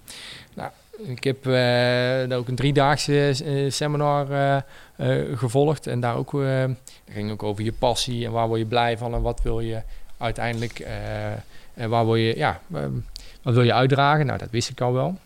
Alleen, ik, ja, ik doe twee, drie bedrijfsoptredens in de week. En eh, ik zit vooral in bedrijfsoptreden En ehm, ja, wat, wat, wat, wat, is mijn droom? Weet je wel? En dat is dat eigenlijk iedereen een Carlos momentje kan ervaren. En daar hoeft niet afhankelijk te zijn of iemand nou eh, ja, dat bedrijf dat betaalt. Of dat bedrijf de keuze maakt van toevallig kun je hier in de zaal zitten. Hmm. Dus dat heeft er voor mij wel weer voor gezorgd dat ik het wat breder aan het trekken ben. Ik doe, doe nu, eh, ben er nu aan het opzetten dat ik eh, vier keer per jaar een openbaar optreden in de theaters, eh, dat ik terug de theaters in ga, die we zelf af gaan, gaan huren. En ehm, zodat ook ja, mensen die, die het een keer ervaren hebben, iemand mee willen nemen of op een andere manier Hm. erbij betrokken zijn, nou, dat die ook kunnen komen. Nou, en dat er dan ook wat ruimte komt inderdaad van nou, een keer een leuke podcast te doen. Ik heb nou een, eh een mini-boek geschreven over de Carlos momentjes. En dat ga ik gratis weggeven. Echt? En Wat leuk, Ja. wat goed. nou ja, d- dit is ook weer zo van... ehm, ik, ik geloof heel erg in het systeem van wat je geeft, krijg je terug. Ja, En- kent Jos ook, hè? Ja, Jos, Dit is Jos de wet van de Burgers- Daarom, volgens eh, de mij. wet ja. van snuf. En eh, ja, die, eh, eh, ja, Jos is ook een van, mijn van de heel gewaarde- gewaardeerde collega's. eh, die we één keer in de zoveel tijd afspreken. Gewoon, we zitten heel erg op één lijn. oh, door op een, eh, ja, op een hele positieve manier meerwaarde te creëren. En kijken van wat, ja, waar word je zelf blij van. Ja. En, en ook elkaar regelmatig aanbevelen als het passend is voor de klant. En dat, ja, dat is gaaf. Ja. En dan, en dan, dan, ga je voorbij een, een, een kostenbaten. Dan ga je gewoon kijken van ja, wat draagt bij. En ehm, ja, ik, ik, ik merk dat we zo... eh, eh, zelf schiet ik ook nog wel eens in die valkuil. Dat je, je wil de investering overslaan. En dan wil je eigenlijk het resultaat. Daar, daar willen, resultaat willen we wel. Hmm. Maar het investeren, eh, ja, of dat moet heel zwaar zijn. En eh, ja, ook daar probeer ik wat anders naar te kijken. Ik heb, ik heb dat laatst bij het tanken bijvoorbeeld gedaan. Eh, ik denk dat ik de enige ben die glimlachend... Ik kan sowieso au- auto rijden. Ik heb een eigen auto waar ik zelf in kan rijden. Ik, ben, ik denk dat ik de enige ben die glimlacht bij de pomp. En ehm, want kijk, die, die, die euro's die loopt altijd net wat sneller op dan de liters. Ja. En ja, hoe dan ook, het is of nou de prijs stijgt of daalt, is hoe dan ook te duur. Hè, dat is het idee. Het is nooit dat je nou zegt van nou, gaaf. En ik kijk, als ik zo die meter op zie lopen, dan denk ik weer eens terug aan al die mooie momenten die ik die week van tevoren gehad heb. Hmm. Dus waar heeft die auto mij gebracht? Hm. Nou, zijn we een keer naar Deventer gereden voor een fijne podcast. Ik heb van de week echt een super gaaf optreden hebben voor eh, mantelzorgers en vrijwilligers die werken met mensen met dementie. Hebben ze een, eh, een nieuw project opgestart dat ze met eh, oude videobeelden, waar die gaan over de jeugd eigenlijk van de mensen. Hmm. Waardoor je dus Uit, ook uit eigen persoonlijk archief. Eh, dat kan. Kan uit eigen persoonlijk archief, maar het kan ook zeg maar uit de tijd van dat ja, die ja, mensen leefden. En eh, ja, dat is ook iets wat onder dat wateroppervlak zit.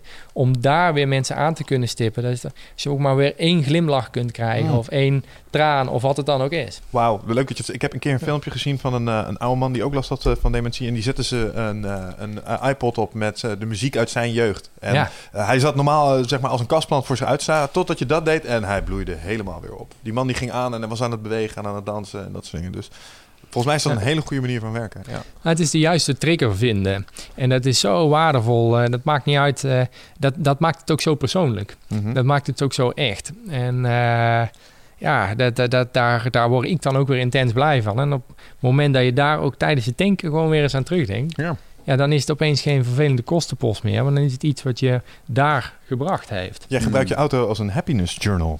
Ja, nou ja, zo heb ik het nog nooit benoemd, maar bij deze. Ja, het is Ja. heel hip om te doen tegenwoordig. Ik doe het zelf ook gewoon zo af en toe even opschrijven wat je gedurende de dag doet. Als je ergens echt blij van wordt of het was mooi, om dat gewoon ook eventjes aan te merken. Omdat je dan ook gewoon even waardering hebt en stilstaat Hmm. voor het geven dat er ook leuke dingen gebeuren.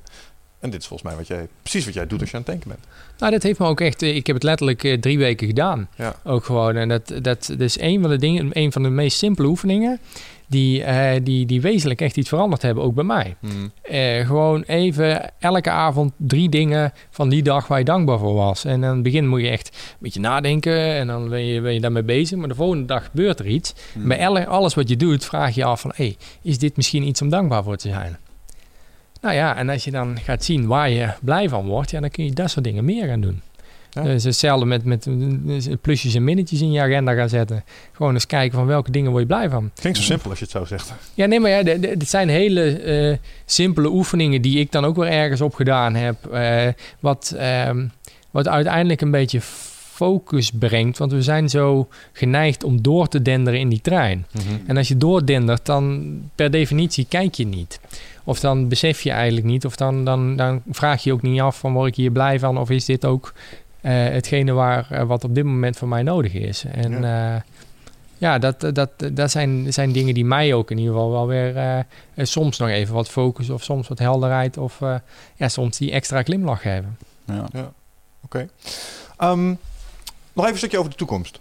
Eh, ik heb daar twee vragen over. Eh, een van de dingen die me opviel is dat jij eh, naast eh, eh, spreker bent over omgaan met verandering, leiderschap en dingen, dat je ook spreekt over duurzaamheid, Hm? eh, planet, eh, profit en met name jouw aandachtspunt daarbij dan people. Mhm. Vind ik interessant, als je kijkt naar de line-up, vind ik dat een interessante die er dan ineens tussen staat. Ik vind het een heel Ja. belangrijk thema, maar ik vind Mhm. het interessant dat jij hem, dat je dus blijkbaar over spreekt. Wat is je, is je boodschap daar? Ja, eh, dat vind ik tof dat je daar naar, naar vraagt. Die, ehm, sowieso, eh, Wins- Pieter Musemius, die administrator, die heeft dat Mhm. bij mij aangewakkerd. Oké. Eh, dat assistentschap was ook over duurzaamheid. Ja. En eh, mijn afstudeerscriptie is ook richting de duurzaamheid gegaan.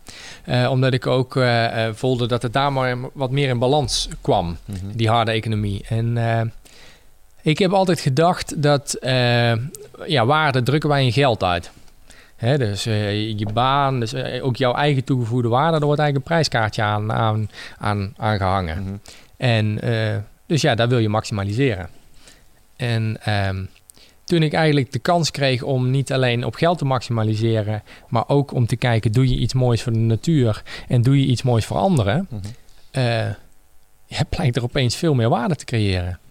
Dus je kunt er veel, voor mij, ehm, eh, biedt het veel meer mogelijkheden om Carlos-momentjes te realiseren. Want eh, ja, ik weet niet eh, of jullie nou elke maand eh, staan te springen als het geld gestort wordt. Je wordt er misschien wel blij van, maar niet dat dat nou eh, het momentje is waarschijnlijk wat in die journal komt. Nee. Nee. En dat zijn toch andere momenten. En ehm, juist door dat breder te trekken. ehm, het, het, het is sowieso heel vreemd op duurzaamheidsgebied. Eh, het hoogst haalbare vaak is eh, neutraal zijn op Hmm. milieugebied. Hè, de- geen CO2 of eh, eh, Hmm. volledig recyclen. Moet je je voorstellen dat je heel je leven neutraal bent. Dus geen schade berokkent. Geen indruk maakt. Ja, nee, maar dit eigenlijk. is toch Ja. het, is het meest absurde wat, wat, wat er is. En toch is dat hetgene waar wij naar streven op, op milieugebied. Hè, laten we minder schadelijk zijn. Ja, dat klinkt, dat klinkt op zich als iets bewonderenswaardig. Dat Ja. zou je willen nastreven, toch? Ja, we zijn, we zijn eh, och, ik ben minder schadelijk. Stel dat je dat op, met onderwijs doet. Hè, nou, de kinderen komen thuis en dan... eh, nou, ik heb niks geleerd, maar ze hebben me in ieder geval niet geslagen vandaag. Ja. Weet je wel? Nou, ja.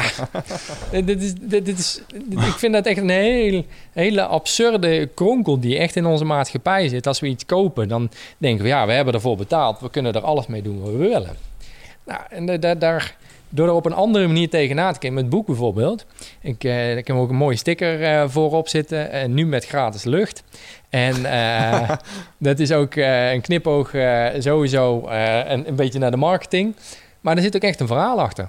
En ik heb ik dacht, ja, nou, wat kunnen we doen? Sowieso compenseren. Hè, je hebt, voor boeken heb je bomen nodig. Nou, dat is nou eenmaal zo. Nou, als er een boom gekapt wordt, planten we natuurlijk een boom terug. Potverdorie, ja, we zijn we toch duurzaam bezig. Ja, maar wacht eens even. Ik wil niet neutraal zijn.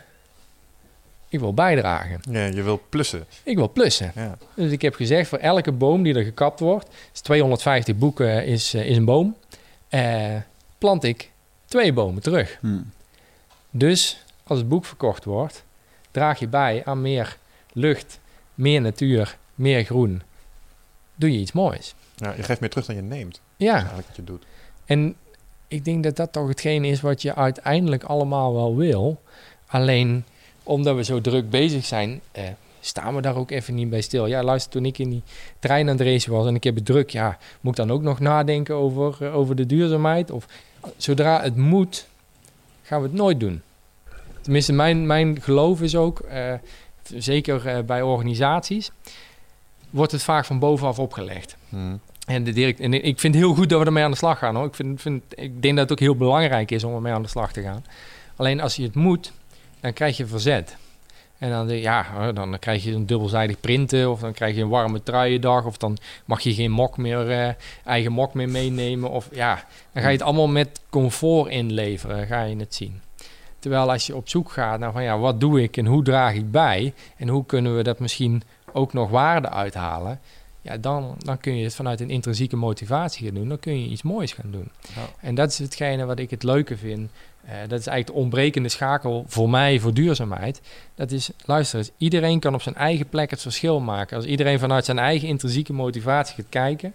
hoe kan ik waarde voor mezelf, voor de klant, voor mijn collega's creëren... en dat in, in geld, milieu en gewoon sociaal doe... ja, dan gaat een bedrijf leven. Hmm. En dan ga je, ga je veel meer mogelijkheden zien, want dan kan het ook iedereen op zijn eigen plek doen.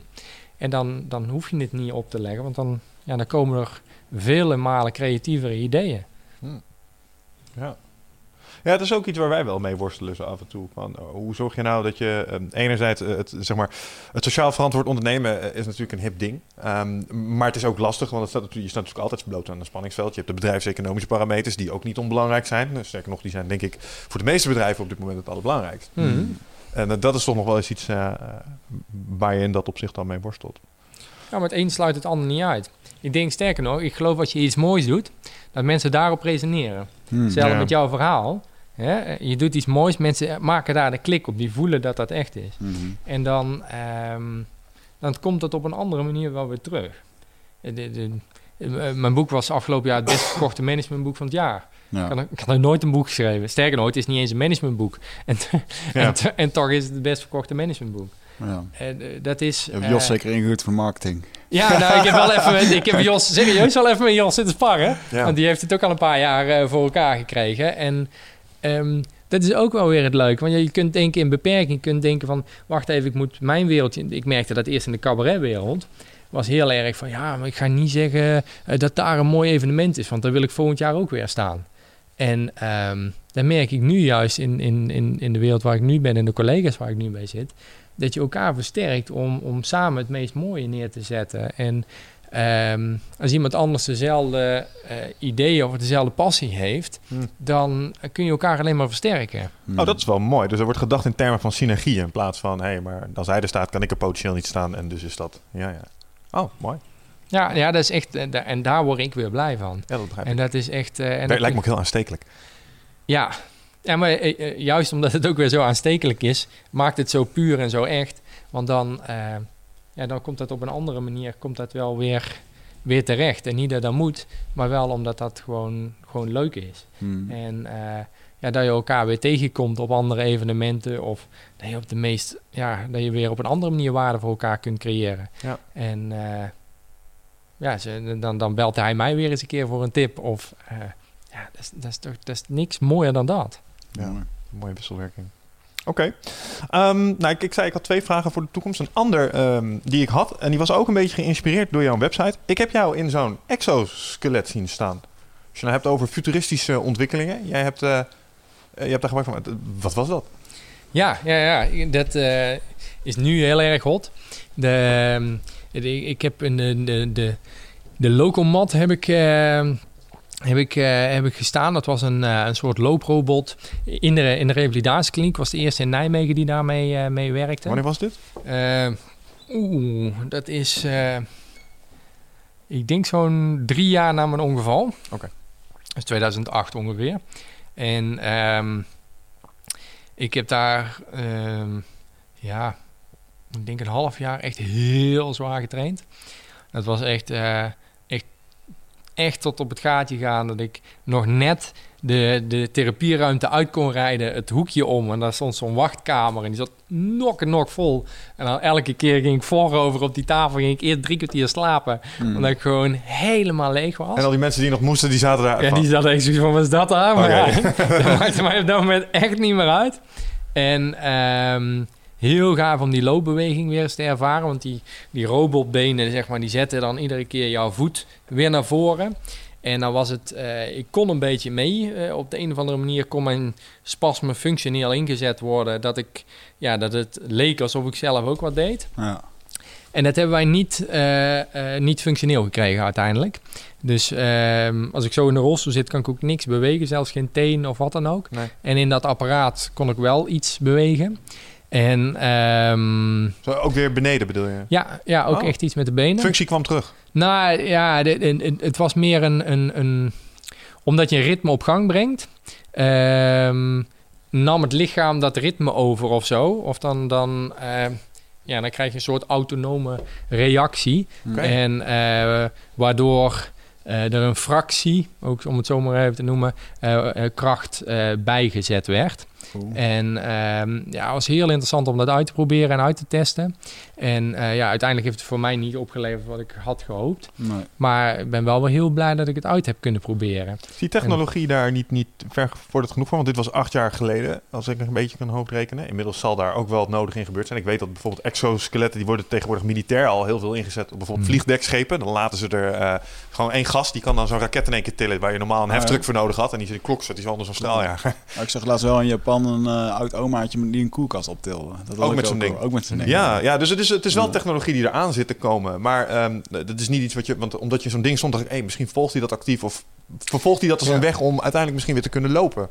Nou ja, het is. eh, ehm, voor mij zal het eh, voorlopig nog niet haalbaar zijn, omdat Nee. zo'n exoskelet heb je eigenlijk rondbalans voor nodig. En omdat ik verlamd ben vanaf die borsthoogte, heb ik ook geen rondbalans en val ik dus om. Oké. En, eh, en je hebt handfunctie nodig en je hebt ook nog triceps nodig.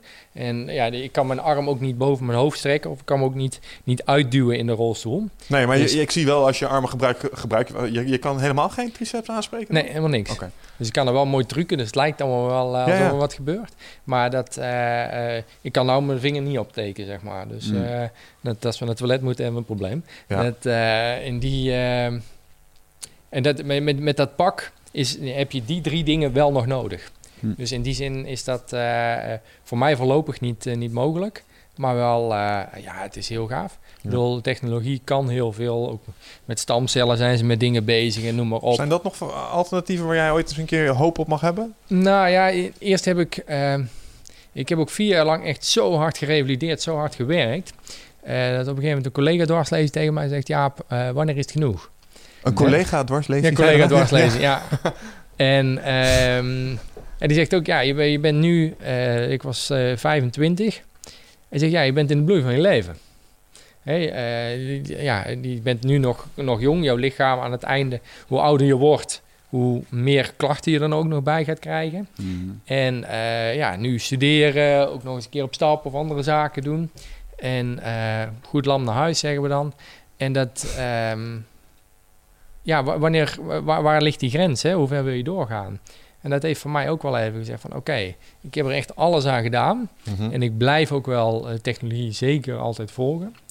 Alleen ik ga er niet meer op rekenen. Ja, oké.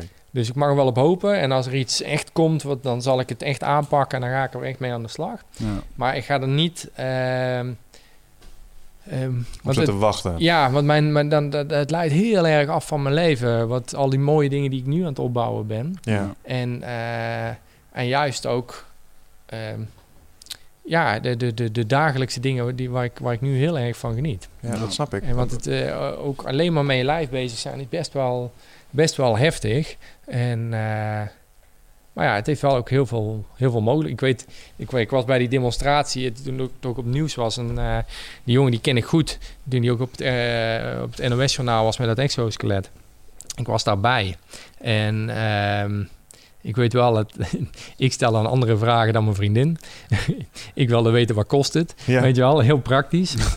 Evelien niet, die wilde vooral weten of er een afstandsbediening bij zat. Zie jou komen sturen op afstand. ja, die, eh, die zag, de, zag, al heel veel mogelijkheden die ik nog niet gezien had. En ehm, Ik stel me dus een Xbox-controller bij voor. ja, ja, ja, dat eh zij ook. Zij, zij zat ook met zo'n big smile zat zij ook te kijken.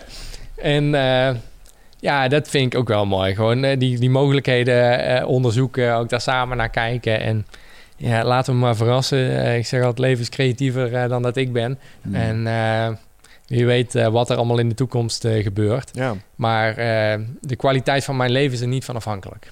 En eh, ik blijf daar wel eh, de, de, meest kleine, zo'n aanpassing in de auto, ja, super. Eh, soms, we hebben nou net een heel huis verbouwd, Ja. ook heel op een duurzame manier. Ja, daar doe je ook aanpassingen in die het voor jezelf makkelijker maken. Dus technologie en, en, en, en slimmigheden, gewoon anders naar dingen kijken. Ja. Dat, het, het dwingt mij ook om anders te kijken. Hm. En dat is wel. eh, ehm, ja, dat, dat maakt sommige dingen ook wel weer. eh, ik, weet, ik weet laatst. Eh, ik denk dat het, eh, het, het, broodje Jaap verhaal noem ik het. ik was alleen thuis en ik, ja, maar ik zeg mijn handen werken niet. En nou, de la open en brood. Gelukkig had ik nou deze keer geregeld. Want die, die plastic clipjes die erom zitten. Nou, probeer die zonder hangfrictie maar eens af te. Dus ik heb echt met mijn tanden zo dingen. Ik heb al een keer gehad die zo als een soort piercing zo op mijn, op mijn lip terecht was gekomen. dus inmiddels laat ik die gewoon al bij de, bij de dingen eraf halen. En ehm, ik heb dat broodje. En toen dacht ik, ja, nou, ik wil een broodje met kaas. Ik denk, nou, dan moet ik een mes halen. Moet ik wel een heel scherp mes. Dan moet ik mijn hand erop leggen. En dan moet ik proberen dat ik dat recht ga snijden. Dan de koelkast. En dan de kaas. En toen dacht ik, ja, maar wacht even. Waarom moet die kaas ertussen? ja, kan ook op. Ja. En inderdaad, ik, ik bedenk me dat en ik pak die kaas en ik leg hem er zo op. Nou, ik heb glunderend echt door die kamer. Ik denk, nou, dit is een broodje Jaap. Ik zeg, dit, dit hou, ik heb nog nooit zo'n lekker broodje kaas op. Voedselinnovatie van Ja, 2016. ja, daar, exact. Maar dat is ehm, zo vastzitten in standaard structuren. Ja, een broodje moet je opensnijden. Mm. Ja. Ik, ik was, ik was bij een restaurant. We waren laat binnen. Ik denk een half acht of zo. En ehm, ik zie zo'n ober voorbij komen met zo'n dienblad. Met zo'n grote sorbet erop. Maar dan echt een asociale grote sorbet. Dat je echt zit van wow. Hier gaat iemand heel misselijk van worden. Ja, maar die wil ik hebben. Gewoon, weet je wel, die moet ik echt hebben. Zat er ook ja, zo'n fonteintje in, zeg maar, zo'n zo'n sterretje? ja, dat had eigenlijk nog wel gemoeten. Dat was nog ja. mooier geweest, ja. Ik ken ze. Dat, eh, eigenlijk had ik moeten zeggen dat ik jarig was. Dan had ik er zo'n fonteintje in gehad. Eh, heb je ook twee van die zingende gasten aan je, aan je tafel staan? Dat Ja, dat is ook wel. Ja, dat, dat kan goed zijn, maar dat hoeft ook niet altijd goed te zijn. En ehm, ik had zo, ja, ik, wil, ik heb eigenlijk zin in zo'n zo'n sorbet. Maar ja, als ik gewoon een voorgerecht en een hoofdgerecht pak... Ja, dan, dan die sorbet, die, die, die, die gaat er niet meer in. Hmm. En zelfs als ik het voorgerecht laat vallen... Ja, dan zo halverwege die sorbet heb ik zoiets van... Laat ja, ja, Ja, heb ik ook hoor. ja. Ja, dat zijn grote Ja, maar toen dacht ik dus... Waarom moet die sorbet Wat toetje zijn. Het kan ook gewoon je hoofdgerecht zijn natuurlijk. of, je daar gewoon voorgerecht. mee beginnen? Ja. ja, ja, heb je dat gedaan? Ik dus, mijn vriendin die zat aan de bospaddenstoelensoep. En ik zat aan zo'n grote sorbet. Hoe keek die gast toen je bestelde? Ja, die lachte snij helemaal kapot. Ja, dat snap ik. Zei die die gast tafel zit niet alleen in een rolstoel, hij is ook nog net een gek. Dat is op zijn hoek Ja, gevallen. dat Ja, hebben ze hoe dan ook wel hoor. Daar hoef ik die sorbet niet voor te bestellen. Mooi. Maar dat is dus echt zo van ja, waarom moet die als laatste? Ja. Mm. En ehm, ik, heb, ik heb die sorbet heerlijk op. Ik heb nooit zo'n lekkere sorbet gehad. En ik heb daarna nog een voorgerechtje besteld en ik was voldaan. Ja, top. Ja. En ehm, Ik ga dat een keer doen. ja, maar ja, dat is het gewoon. Durf eens anders te kijken naar standaard dingen. Mm. Ja, dit was echt een hele mooie. Ik wil wel een mooie, eh, wat ik een mooie passage vond in jouw boek, eh, is het verhaal van die kangoeroe. Oh En ja. Vooral eh, hoe jij met eh, een of andere stichting eh, voorzitter zat te bellen. Zou je dat verhaal eens willen vertellen om een beetje luchtig af te sluiten? Ja, Ik vond het een mooie. Nou ja, het was sowieso, er zit ook wel wat emotie omheen hoor. Want die, ehm, eh, ja, je moet je voorstellen, ja, je breekt je nek. Eh, je komt in het revalidatiecentrum. Ik zou eigenlijk met mijn ouders op vakantie gaan. Die waren, eh, ehm, moet goed zeggen, 25 jaar getrouwd. En ehm, ja, we zouden Aruba, Bonaire en Curaçao aandoen. Tiendaagse reis, eh, heel lang voor gespaard. En eh, we zijn heel veel thuis altijd. En dan echt gewoon één keer alles erop en eraan en gaaf. Ja, juli breek ik mijn nek. En eh, ehm, 21 november ja, was, die, eh, was die dag. Van dat ze zoveel jaar getrouwd waren.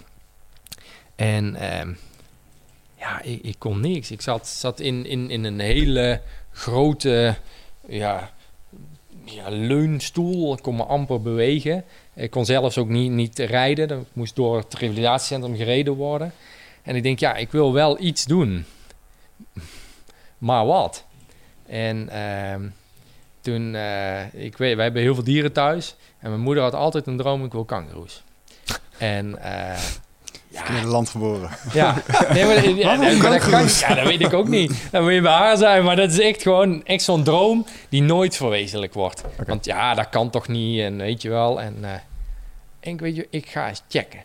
Gewoon. En eh, dus ik eh, even, ja, tussen de therapieën door een beetje googelen. En nou ja, dan moest ik echt met zo'n arm en dan echt heel zwaar en heel lastig. En uiteindelijk kwam ik bij de voorzitter van de Kangeroevereniging van Nederland. ik Iemand ook heeft deze titel gewoon. ja, die man die heeft echt gewoon een super vet cv. Ik bedoel, daar mag je mee pronken, dat vind ik dan wel wel waar. En ehm, nou, ik denk, ik ga hem even snel bellen. Ik moet even efficiënt. Gewoon, ik wil weten, wat eten ze? Eh, wat kost het? En, hè, koop en, ik er? En, eh, ja, en waar koop ik er een? Hè? En misschien nog het hok of hè, wat moet ik rekening mee houden? Nou, ik bel hem en dan krijg je iemand aan de lijn en die is zo enthousiast. Maar zo overenthousiast. ik, ik zat dus zo met mijn telefoon en ehm, ik, ik heb anderhalf uur met de voorzitter van de kangeroevereniging van Nederland aan de lijn gehangen. En die begon en eten en dit en grassoorten en afscherming. En ik, en ik had echt en het deed pijn. En ik begon steeds schuiner te hangen. En ik trok het gewoon echt op een gegeven moment bijna niet meer. En echt anderhalf uur lang. Nou, ik was echt gewoon kangeroe-expert tegen wil en dank in. En eh, ook een, eh, een naam gekregen van een, eh, van een handelaar. nou, eh, daarna die man gebeld. En ik zeg, nou, die fout ga ik in ieder geval nooit, niet nog een keer maken. Zodat we een mailtje. Ja, nou, het was in ieder geval niet goed voor mijn onderhandelingspositie. Maar het, ik heb zo'n twee kangeroes, een mannetje en een vrouwtje gekocht. Je kunt dus gewoon kangoeroes kopen in Nederland. Ja, inmiddels niet meer volgens mij, maar toen nog wel. Oké. En, Naar aanleiding van dit incident zeker. ja, exact. Ja. dat was echt gewoon mishandeling. Gewoon voor mij vooral. En ehm, wat mooi was ook dat mijn vader... eh, ja, ik, ik moest natuurlijk wel iets schijn ophouden. Dus ik zei tegen mijn vader... Ik zeg, eh, ja, wil je dan niet een pauw kopen of zo? En eh, er was net een vervoersverbod. En ja, dus dat ging niet. En op een gegeven moment, hij kwam echt zijn zak en terug. En hij zegt, ja, sorry. Maar ja, het, het kan niet. Ik, ja, ze mogen niet vervoerd worden. Dus ik ja, ik kan hem niet voor je kopen. We hebben alles geprobeerd. En heb ik ook nog echt gewoon keihard op zijn ziel getrapt. Echt gewoon super erg. Zeg, ja, maar dat is toch belangrijk. Ja, dan, dan kan ik, heb ik helemaal geen cadeau meer voor jullie. En wat moet ik nou doen? En, ja, en dat kun je, ja, omdat jij het niet hebt kunnen regelen ook nog. Nou, echt gewoon een paar die, die tranen in zijn ogen. Denk, oh. Nou, ik Dat was denk, echt gemeen. dat was echt gewoon echt heel grof gemeen. Maar ik denk, ja, uiteindelijk komt het ook wel weer goed. Die dag eh, eh, had ik verlof, zo maar zeggen. Dus voor het eerst eigenlijk ook naar huis. Oké. En eh, ik, zat, eh, ik zat binnen en... eh, ik had Even in je microfoon praten. en ik zat, ik zat binnen en toen zegt hij ook... Nou, na, na, na, na een uur en drie kwartier zeg je in de microfoon praten. Ja, nee, maar, het ging hartstikke goed, want ik hoor het wel op de koptelefoon. en dit ging maar dit is nog allemaal proef, toch? Het is niet opgenomen. Nee, doen we. We gaan zo nooit meteen beginnen. Ja. Ja, precies. Dit, dit was het voorgesprekje. Ja. En ehm, ik zat voor de raam. Hij zou om één uur komen, dus om, eh, om tien voor één. Ik zat een beetje het raam te kijken en ik zeg tegen papa's mam, ik zeg, eh, zou je hem even naar buiten willen rijden? Want eh, tante Henny komt eraan. En ja, oké, maar... eh, We hebben nog Ja. een tante Henny. ja, hè? ja, precies. Nou, dat gelukkig nog wel. Maar ja, en die zegt, wil ik graag buiten begroeten. Buiten, buiten begroeten, weet je wel. En Nou ja, oké, ja, zullen we dan maar doen, weet je wel. Maar ja, voordat ik een jas aan heb en nou ja, dan moest er zo'n rijplankje voordat ik buiten kwam. En op dat moment kwam toevallig ook nog tante Henny, maar die kwam via de achterdeur naar binnen. En dus ja, mijn vader loopt terug. Ja, ja, sorry, maar willen jullie weer terug naar buiten gaan? Want ja, Jaap die wil jullie graag buiten begroeten, weet je wel. Dus echt heel die familie had zoiets van, oh, het, ja, het is echt niet goed met hem, weet je wel. Hij, hij- ja, het is niet alleen lichamelijk, hij heeft nog, ook nog Zuurstofgebrek ja, gehad of nog zo. iets ja. meer aan de hand, weet je wel. Maar ja, laten we het maar doen, want... En nou goed, wij naar buiten en eh, nou hoi, hoi. Nou ja, iedereen staat er super ongemakkelijk, weet je wel. Van nou, is er hier aan de hand? Nou, oké, ik zeg nou, zullen we even naar de dieren gaan kijken? Nou, we hebben echt, nou, ik denk 120 dieren. En we, we hebben een emu, we hebben eh, kippen, eh, ganzen, zwanen, eh, herten, geiten. Je woont op een boerderij, neem ik aan. Ja, ja. ja. nee, midden in de stad. Ja, nee, zeggen, ja. Op een En- appartement. Ja, ja, een appartement ook gewoon drie hoog. Zonder lift. En ehm, normaal echt honderden dieren te zien, niks. Nog geen kip, weet je wel. Echt gewoon heel die wei, alsof ze het standaard ah, dat ze gewoon afgesproken hadden. Nog geen kip te zien. En dus ja, ik zit daar voor dat hek.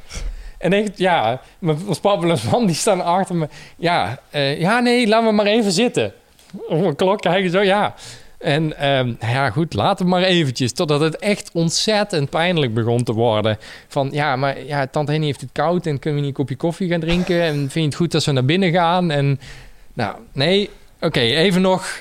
En gelukkig wordt er aangebeld. Man komt voorrijden met twee dichte doosjes. Of ja, kisten natuurlijk van een redelijk formaat. Ja, eh, ik moet hier zijn volgens mij. Ik zeg, ik weet niks van niks, maar zet het daar maar neer, weet je wel. En nou, toen moest mijn vader ook nog eerst alles af gaan sluiten. En die moest nog een glazen ruit vervangen, want dat was gevaarlijk. En nou, die is echt een half uur aan timmeren geweest voor iets wat hij begot niet wist waar, waarvoor. En ondertussen stonden daar twee kisten die allemaal aan het stommelen waren. En zo van- Staat er toch wel luchtgat in, hè? ja, ja, dat is op een gegeven moment. eh, Ik had er vier gekocht en we hadden er twee over. en ehm, ik zal het gezicht van, van mijn vader en moeder nooit vergeten.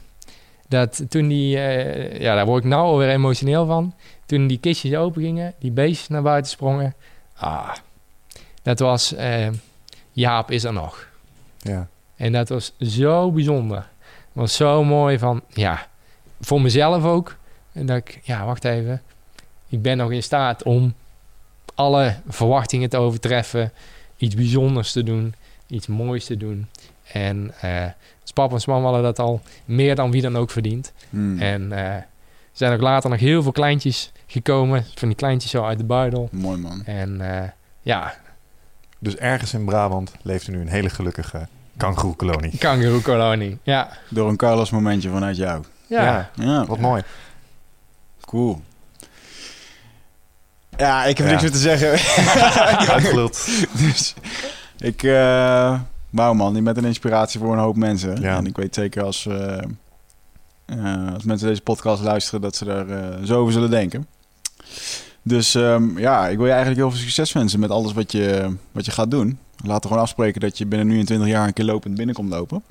Ja, met een kangeroe Als, als, het, als de technologie het eh, binnen toelaat. Dan, eh, Nu we weten dat je kangoeroes koopt, verwachten we eigenlijk de volgende keer ook wel een kangoeroe, ja. Ja. dan hebben we ook een grotere studio als het goed is. Als Dus dat eh, komt goed. Ehm, waar kunnen mensen jou eh, vinden? Eh, online, Instagram, Facebook, dingetjes. Doe je, ben je een beetje te vinden? Online? Ja, ja, Facebook, Twitter, LinkedIn, www.jabressers.nl en van alles. Ja, ja heel leuk zelfs. eh, en via het boek natuurlijk, ja.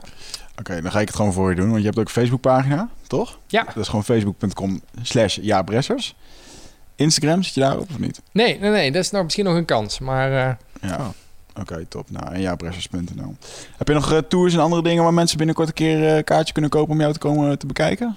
Ehm, binnenkort eh, komt er op eh 1 juli, dat is een avondvullende show. Dat is een nieuwe, eh, nieuwe voorstelling. Mhm. Met muziek erbij, dat is ook wel heel erg gaaf. Dat is ook, Ah. gaat over samenwerken, dus elkaar versterken. Ik ben totaal niet muzikaal, dus ik heb twee mensen. Iemand op de piano en iemand op de cello. En die man die kan zo prachtig liedjes met gevoel en emotie zingen. Echt heel gaaf. We hebben een avondvullend, dus anderhalf uur. In het theater in Oorschot eh, hebben we dat nu neergezet. Mhm. En dat, eh, dat gaan we nu vier keer per jaar doen. eh, over het hele land. En ja, via de website kun je ook aanmelden. En dan krijg je een mailtje. En dan, dan ja, word je gewezen op mogelijkheden dat het jou misschien uit kan komen. Dat gaan we zeker doen. Dave heeft ook een mooie schouwburg. Ja, ja, cool. Ja. Nou ja, wie weet. ik, mooi ook in deze regio wil ik graag een keer komen. Dus eh, alleen maar tof.